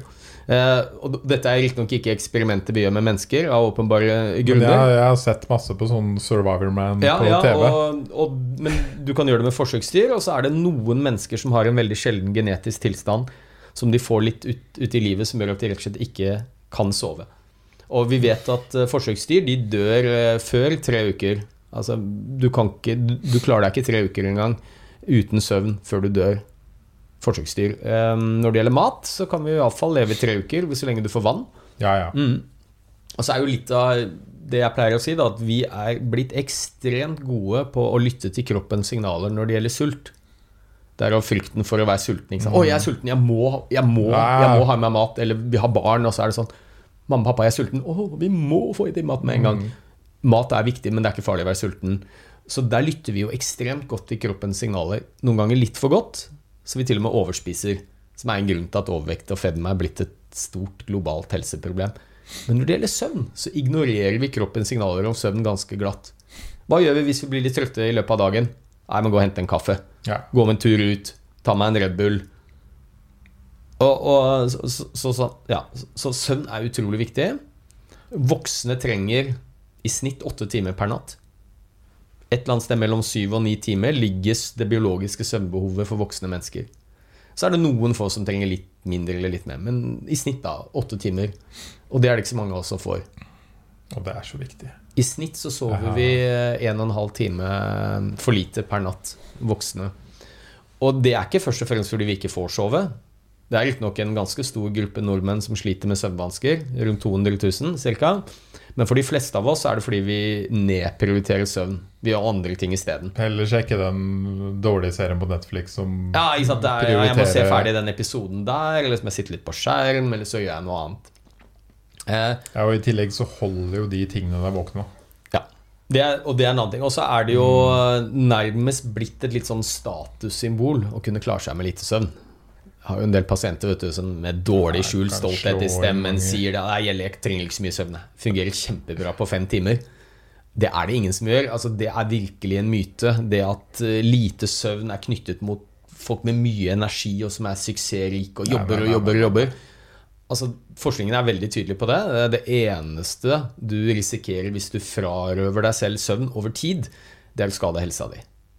Og, og her er det greit å minne folk på at vi snakker ikke om en natt i ny og ne hvor du sover litt dårlig og har vært ute i sosialt lag og legger deg fire om morgenen, eller til og med perioder, eller til og med perioder i livet hvor man eh, ofte preger av litt lite eller dårlig søvn. Småbarnsperiode, og kanskje spesielt kvinner, da. Som jo fortsatt har hovedansvaret, og amming og sover dårlig. Mm. det er ikke det vi snakker om. Vi snakker konsekvent over lang tid. Mange måneder, mange år med for lite søvn. Eh, Så er det svært helseskadelig. Ikke bare påvirker det alle hjernefunksjonene som vi trenger i hverdagen for å fungere. Konsentrasjon, oppmerksomhet, humør, evnen til å planlegge og gjennomføre oppgaver. eh, Men det øker risiko for å bli syk også. Ja. Så hvis du skulle sette en sånn to streker under et sånn fasitsvar når det gjelder søvn og helse, så kan vi faktisk si at eh, jo mindre du sover over tid, jo kortere lever du. Mm. Så søvn er Enkelt og greit. alfa omega. Hvordan vet du hvor mye søvn du trenger? Som sagt, snitt åtte timer, men det er individuelle variasjoner. Så jeg pleier å si det at eh, hvis du må ha en vekkerklokke for å våkne om morgenen, hvis du må ha kjemisk drahjelp for å komme deg skikkelig bli våken, om det er koffein eller nikotin eller hva det nå er for noe, og du stadig vekk får kommentarer fra familiemedlemmer eller kolleger at 'nå ser du litt trøtt ut i trynet', så sover du sannsynligvis for lite. Ja. Ja. Eh, Og så er det selvfølgelig barn og unge trenger mer søvn. Ja, det med søvn er eh, Jeg så en TED-talk, og den burde alle egentlig se. Er bare Søk på 'sleep' på TED. Matthew Walker, er det det? Ja. ja. Han har skrevet boken 'Why We Sleep', som Yes. jeg anbefaler alle å lese. Hva var det han sa om testikler igjen? Menn som sover gjennomsnittlig fem timer hver natt, har 30 20-30% mindre testikkel... Ja, ja, altså bå, bå, Både redusert fertilitet og potens. Så her er det jo kanskje et argument som kan si ja. Jo, men altså, du kan nesten velge en sykdom, så er det sånn at den er Og nå snakker vi om kreft, vi snakker om hjerte-karsykdom, vi snakker om Alzheimers demens. Altså, vi snakker om De aller fleste sykdommer som rammer oss nordmenn, er på et eller annet vis assosiert med for lite søvn. Det betyr ikke at du får sykdommen hvis du sover for lite, men du øker sannsynligheten for at du får den. Eh, Det er mange andre ting som spiller inn, selvfølgelig. Men Han kalte det jo den nye folkesykdommen. ja. Så jeg vet ikke Skal jeg komme med noen tips til hvordan du skal få nok søvn? Ja, det må du absolutt gjøre. Jeg skal, jeg skal si én ting Ja, ja. før du gjør det. Morsomt. Han Jeg viste jo den TED-talken Ja. med han Matthew til en vennegjeng som var her. Eh, vi var sånn eh, fire-fem stykker når det var lov. Eller seks, kanskje. Ja, ja. Og så s- satt vi rundt i sofaen her og så på den. Og han ene som kanskje er litt dårlig på å prioritere søvn Først hørte han det med testiklene, og bare Åh! Og så begynte han å snakke om sykdommene du kan få, ikke sant? og hvor mye kroppen reparerer seg på natta når du sover. Mm. Og midt i den TED-talken så sovna han kompisen min. ja det er herlig. Og alle bare Yes! Ja, og det- er en liten sånn kobling. Vi snakket jo om kosthold, og blant annet så er det nær kobling mellom eh, for lite søvn over tid og vektøkning. Ja. Eh, Og det er, det er egentlig to eh, årsaker til det. Det ene er ganske åpenbar, og det er jo at jo flere timer av døgnet du er våken, eh, jo større sannsynlighet er det for at du spiser. Mm. Eh, Så jeg pleier å si det til en del av mine pasienter som har et isolert mål om å gå ned i vekt. Noe av det viktigste jeg sier, legg deg tidlig. ja.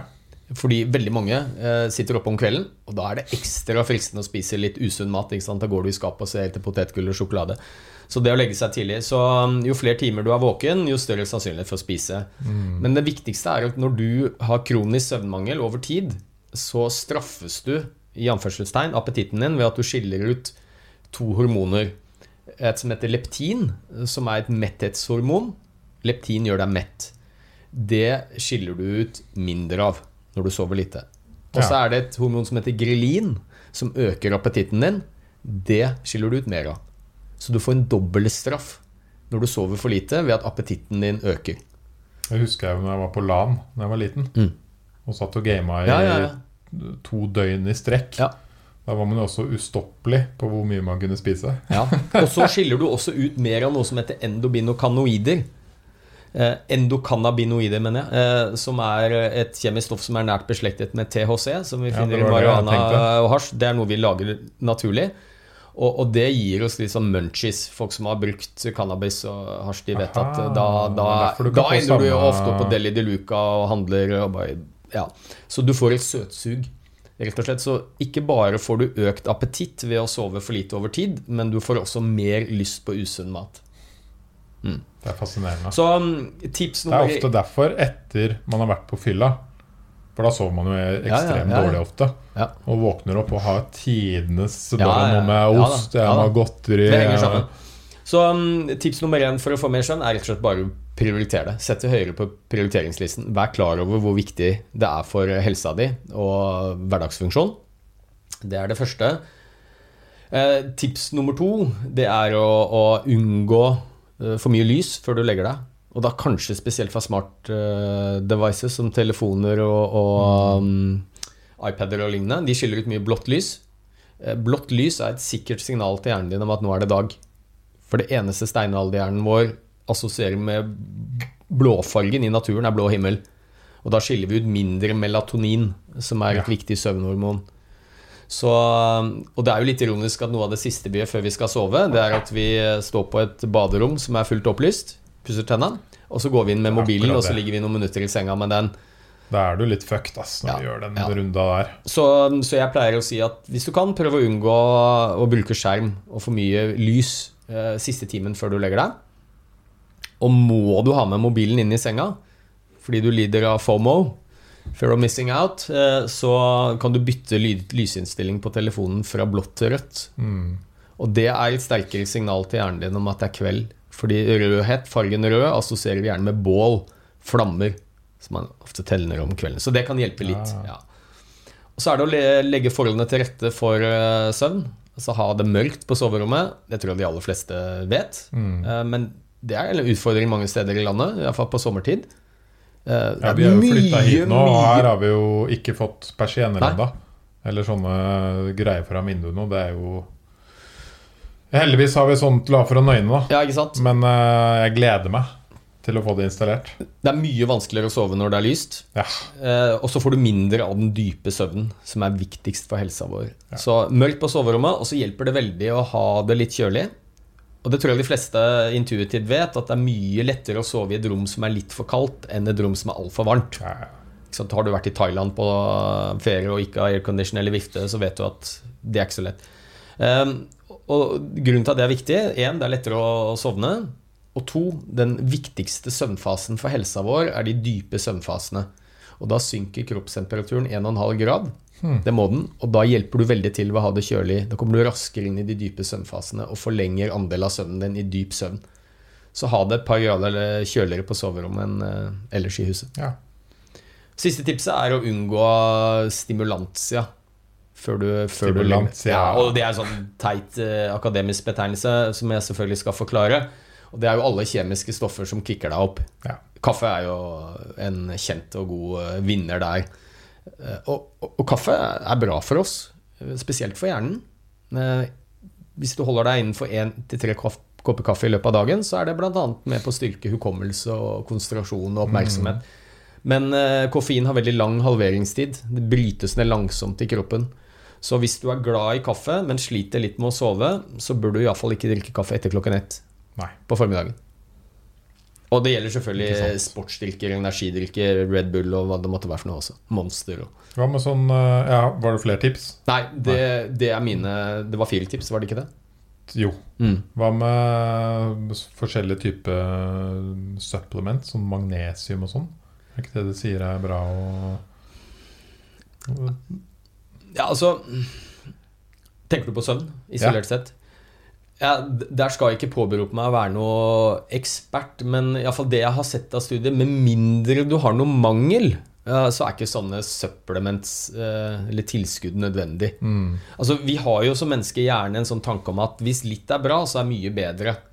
Eh, Og for veldig mange helsetilstander, også det å leve lenge, så vet vi at mangel på en del viktige næringsstoffer og mineraler og sånt, jern og magnesium og D-vitamin og alt mulig sånn, det er forbundet med forkortet levetid. Men det betyr ikke at eh, hvis du har normale nivåer, at det å ta tilskudd gjør at du lever lenger. Nei. Det gjelder antioksidanter også, for øvrig, som er en milliardindustri. Så jeg har veldig sånn tommefinger med mindre du har noen mangler, eh, så er ikke tilskudd nødvendig. Mm. Men eh, jeg er, jeg er ikke noe ekspert på det. Men det er det. kanskje så- lett å få mangler nå om dagen. Ja da. Så det er, Det, men det kan man jo dra og ta en blodprøve og finne ut, da. ja, og det tenker jo jeg at hvis du har tenkt å begynne å hive på med mange forskjellige tilskudd, så kan det være greit å vite at noen tilskudd kan virke mot sin hensikt også, fordi at for mye av de kan være skadelig. Det gjelder antioksidanter, faktisk. Eh, Det gjelder, kan gjelde omega-3. Det kan gjelde fettløselige vitaminer. Så, så før du begynner med tilskudd, få litt profesjonell hjelp til å sjekke om du har noen mangler, Ja. og om du trenger noe. Ja. Så da har vi gener, fysisk aktivitet, vi har kosthold, vi har søvn. Nummer fem. Ja. Eh, Jeg kan jo ta to som jeg bare nevner ganske kort i boka, eh, som er viktige. Og det ene tror jeg de aller fleste vet, og det er jo dette med tobakk. Og da er det selvfølgelig ikke at man skal bruke det, men å prøve å holde seg unna. Um, og der vet vi jo at det er jo litt eh, Tobakk er faktisk det eneste produktet vi kan kjøpe i butikken. Og hvis vi bruker det som tiltenkt, så er det 50% sannsynlig at vi dør av det. Ja. Altså Det er det eneste lovlige produktet som du kjøper. Bruker det som det skal, og så tar det livet av halvparten av de som bruker det. Eh, og nå er jo eh, andelen nordmenn som røyker er jo betydelig ned. Nå er vi nede i 9 daglige røykering og sånt. Eh, Mye takket være røykeloven, tror jeg. Så, så det er jo veldig positivt. Så det behøver vi ikke kanskje snakke så mye om. Holde seg unna tobakk er viktig. Eh, og så er det alltid noen som spør hva med snus. Og det er jo sånn man kan snakke timevis om. Men kort og oppsummert der, da, så er det gjort ganske mye bra studier som tyder på at det å snuse hvis du er opptatt av å leve lengst mulig og unngå å få alvorlige sykdommer, så gir snus en marginal om noen negativ helseeffekt. ja. På de målepunktene, da. Altså hvor lenge du lever, og om du får hjerte-karsykdom, kreft osv. Og jeg vil jo allikevel absolutt ikke anbefale noen å begynne å snuse. Men eh, jeg har faktisk brukt det litt eh, i min kliniske praksis til de som skal slutte å røyke. ja. Fordi vi vet at er eh. Nikotinerstatningsprodukter, det er nikotinet vi blir avhengig av. Og så er problemet med sigarettrøyk at det er så veldig mange andre farlige stoffer der, som bl.a. finner veldig mye mindre av i snus. Så hvis du har en som røyker, som har prøvd å slutte med alle mulige verktøy, nikotin, tyggegummi, plaster, eh, hypnose hva det må være for noe, så, så har jeg noen tilfeller eh, rett og slett anbefalt de å prøve snus. Mm. Med veldig god effekt, Problemet da er jo at de blir avhengig av snus. Men i, i eh, avveiningen skal du være avhengig av snus eller sigaretter, så er det uendelig mye bedre. Mindre helsefare med snus.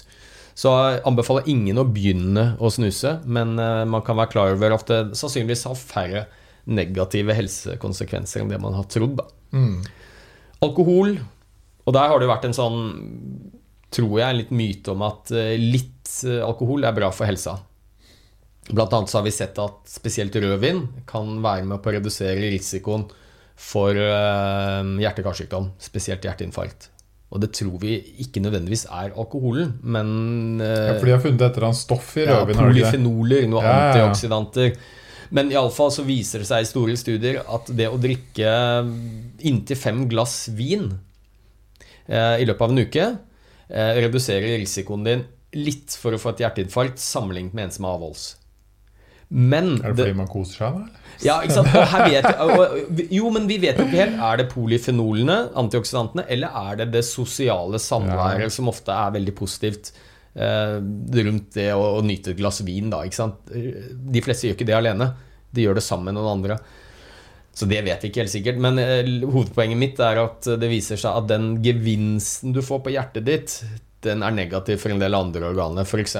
ja, du reduserer risikoen for å få et hjerteinfarkt kanskje lite grann, men du øker risikoen for å få leversykdom. Yes. Eller kanskje dø av andre ting. Eh, fall, ulykker ja.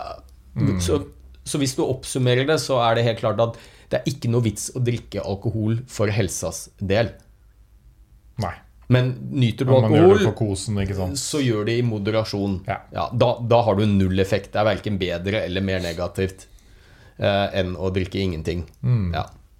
Så ikke drikk alkohol for helsas skyld, sånn isolert sett. Nei. Og gjør du det, så drikk i moderasjon.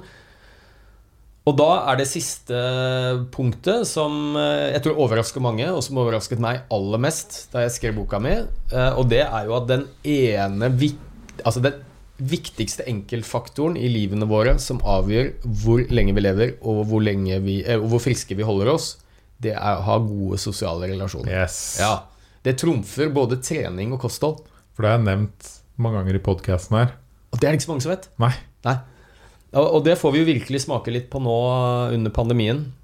Og det er en av de tingene jeg har snakket mye om i media, blant annet. At eh, ja, jeg skjønner og stiller meg bak restriksjoner som skal begrense smitte mot et virus som vi ikke helt kjenner eh, omfanget av og konsekvensen av å bli syk med. Men vi må huske at eh, helsekonsekvensene av å leve mye mer isolert, eh, mindre kontakt med andre mennesker, kan ikke treffe alle vi er glad i og trives med, det har en betydelig negativ helseeffekt for oss. Sannsynligvis større enn Ja. de negative effektene av covid. For den eh, lengste pågående forskningen som fortsatt pågår i dag, den går jo på mye på menneskers helse. De Mm. vel i 1920 eller noe sånt. Ja, det er den der Harvard Study of Adult Development som, Yes. hvor man har kartlagt livene til eh, ganske mange amerikanere. Begynte i 1928, tror jeg, den Ja. studien. John F. Kennedy var faktisk en del av, eh, av den studien. Hvor man, målet var rett og slett hva er det som gjør at mennesker lever lengst mulig, best mulig.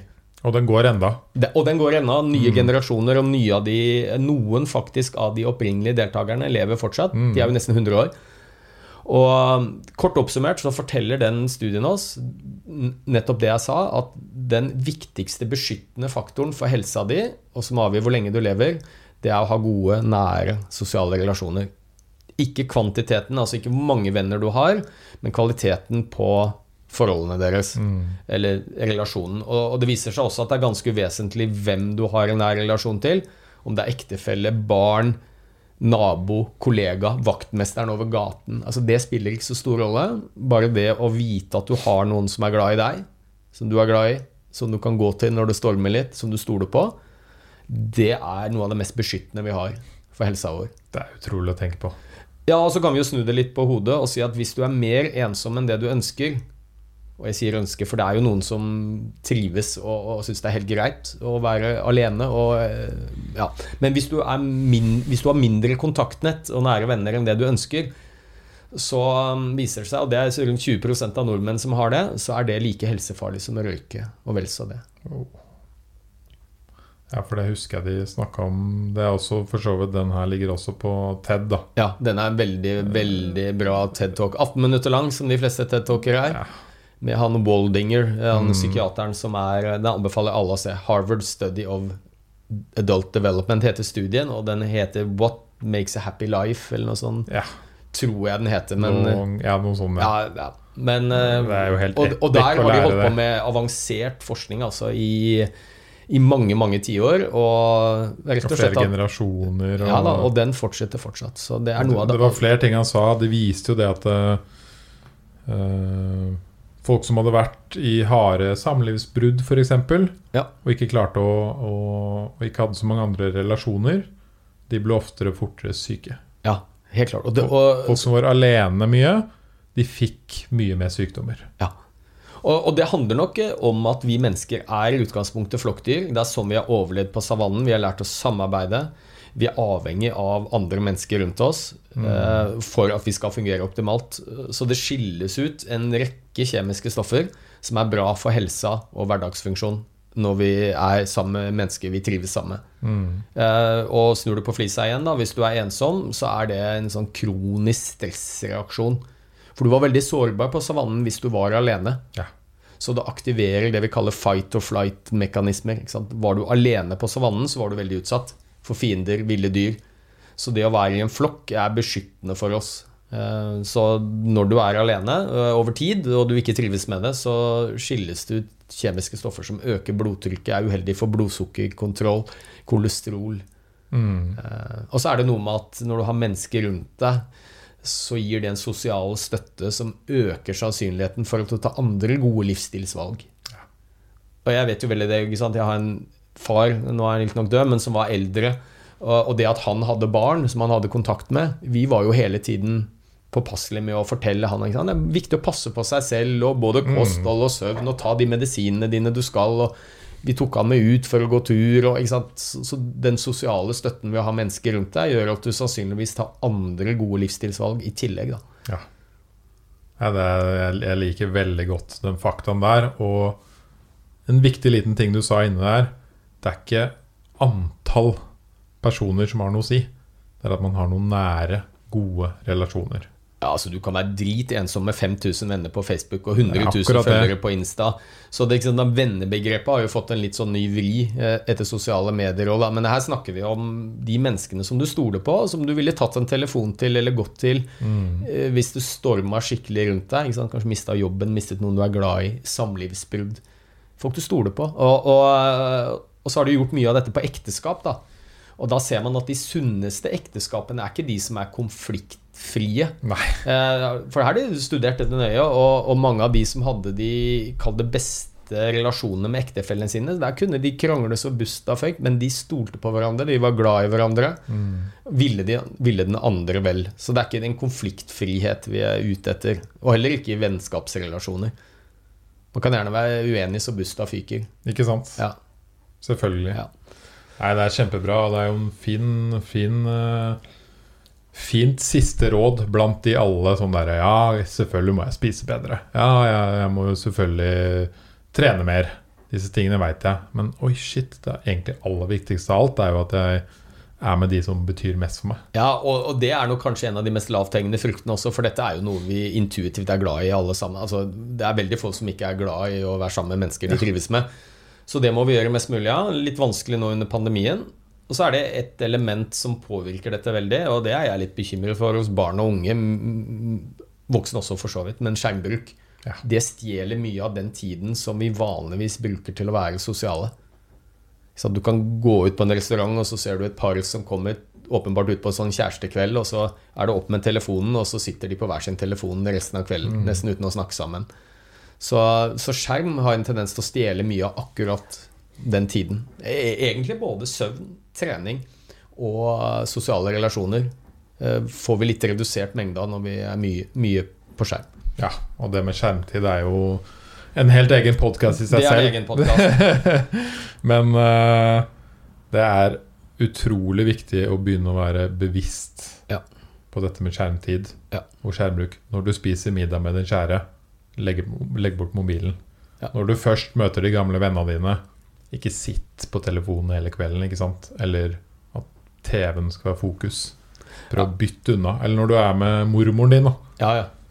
Så er det liksom, da er du faktisk med mormoren din, og du er jo ikke der for å sitte og chatte med folk ute i verden, ikke sant? Nei, nei, og i dag så er det jo sånn at nå er det jo ikke så mye T-bane og kollektivtrafikk, men jeg har jo gjort et par sånne eksperimenter hvor jeg har sittet på T-banen, og så har jeg bare sittet uten å ha mobilen min på, bare sittet og sett ut i lufta, og da tror jo folk at du er gæren. Ja. Alle Ole sitter Petter, jo med faen er det? driver Han der ser jo helt rar ut. Han bare sitter bare ser ut og stirrer ut i intet, men alle sitter jo på mobilene sine.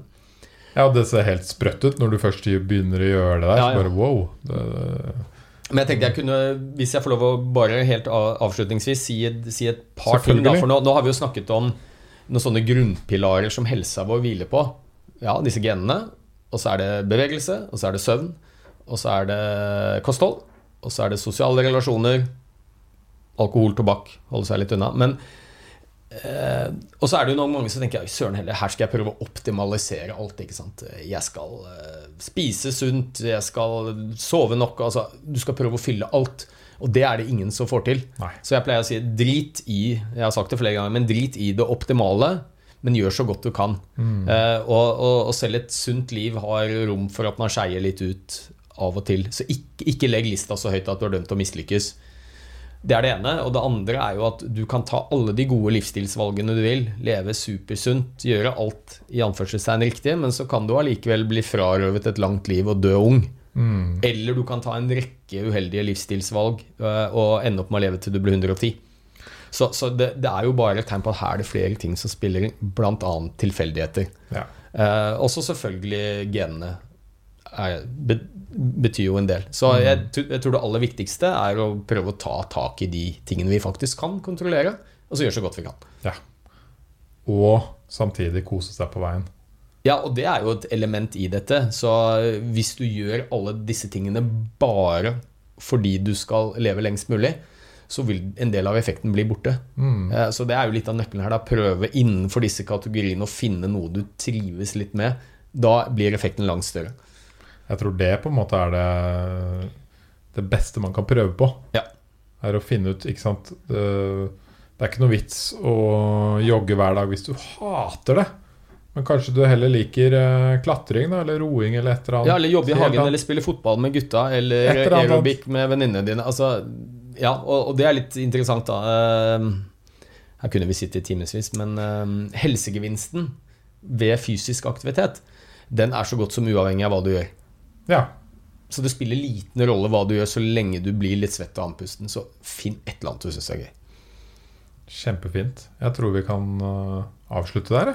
Ja, tusen takk for meg. Det var helt konge å ha deg på besøk og, og lære masse. Og i hvert fall bli bevisst på at uh, veldig mange av de tingene som kan gjøre at vi lever til vi f.eks. blir 100, er ting som er ganske nær oss. Som vi kan faktisk gjøre noen små endringer i livet. Som vil gjøre at på sikt så får man både bedre helse, bedre søvn og et for, for, uh, sannsynligvis bedre forhold til de nær seg, da, som er så viktig. Forløp og smettetimen. En ting til helt avslutningsvis. Og det er jo at det er litt sånn synergieffekter mellom alle disse tingene også. Så én god livsstilsvane vil gjerne avle en annen også. Mm. Eksempel så ser vi at hvis du, begynner, hvis du starter med å begynne å bevege deg litt mer, så vil veldig mange oppleve litt bedre søvnkvalitet. De vil også Yes. lettere få motivasjon til å spise litt sunnere. Fordi man får det bedre. Eh, mange trøstespiser de har det ikke så bra. Så, så, så det blir litt sånn kumulativ eh, effekt. Da, og det er lettere å få trent hvis du er sosial og gjør det sammen med noen andre. Å, Det blir litt mer forpliktende osv. Så, videre. så Så det er en sånn synergieffekt her. da Mm. så en, start med én ting, og så gjør små endringer fra de forskjellige områdene over tid. Så Ja. blir det en ganske stor sum til slutt.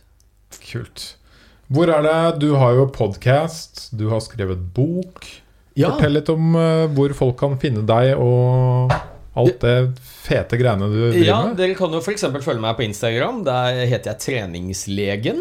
Treningslegen. Jeg har en egen podkast, ikke helt alene, men sammen med Mats Kaggestad, hvor vi snakker om eh, helsegevinster ved fysisk aktivitet først og fremst, og kanskje på hjernen. Hjernesterk heter den. Mm. som du finner der hvor du finner podkaster. Lett å søke opp. Så har jeg skrevet tre bøker. eh, Sterk hjerne med aktiv kropp. Hvordan hjernen vår påvirkes av bevegelse. Eh, Og så har jeg skrevet 'Lev til du blir 100'. Syv nøkler til et langt og godt liv. Som vi har snakket om i dag. Ja, ja, ja. Og så har jeg akkurat kommet ut med en bok sammen med klinisk ernæringsfysiolog Tine Sundfør som heter 'Mat for hjernen'. Og så jobber jeg med en fjerde bok som handler om immunsystemet og hva vi kan gjøre for å kanskje stå enda bedre rustet hvis det skulle komme nye pandemier. Dødskult. Ja. Sjekk ut uh, Ole Petter og alle dine kanaler, og tusen takk for at du kom hit i dag. Takk for meg, Henning. Yes.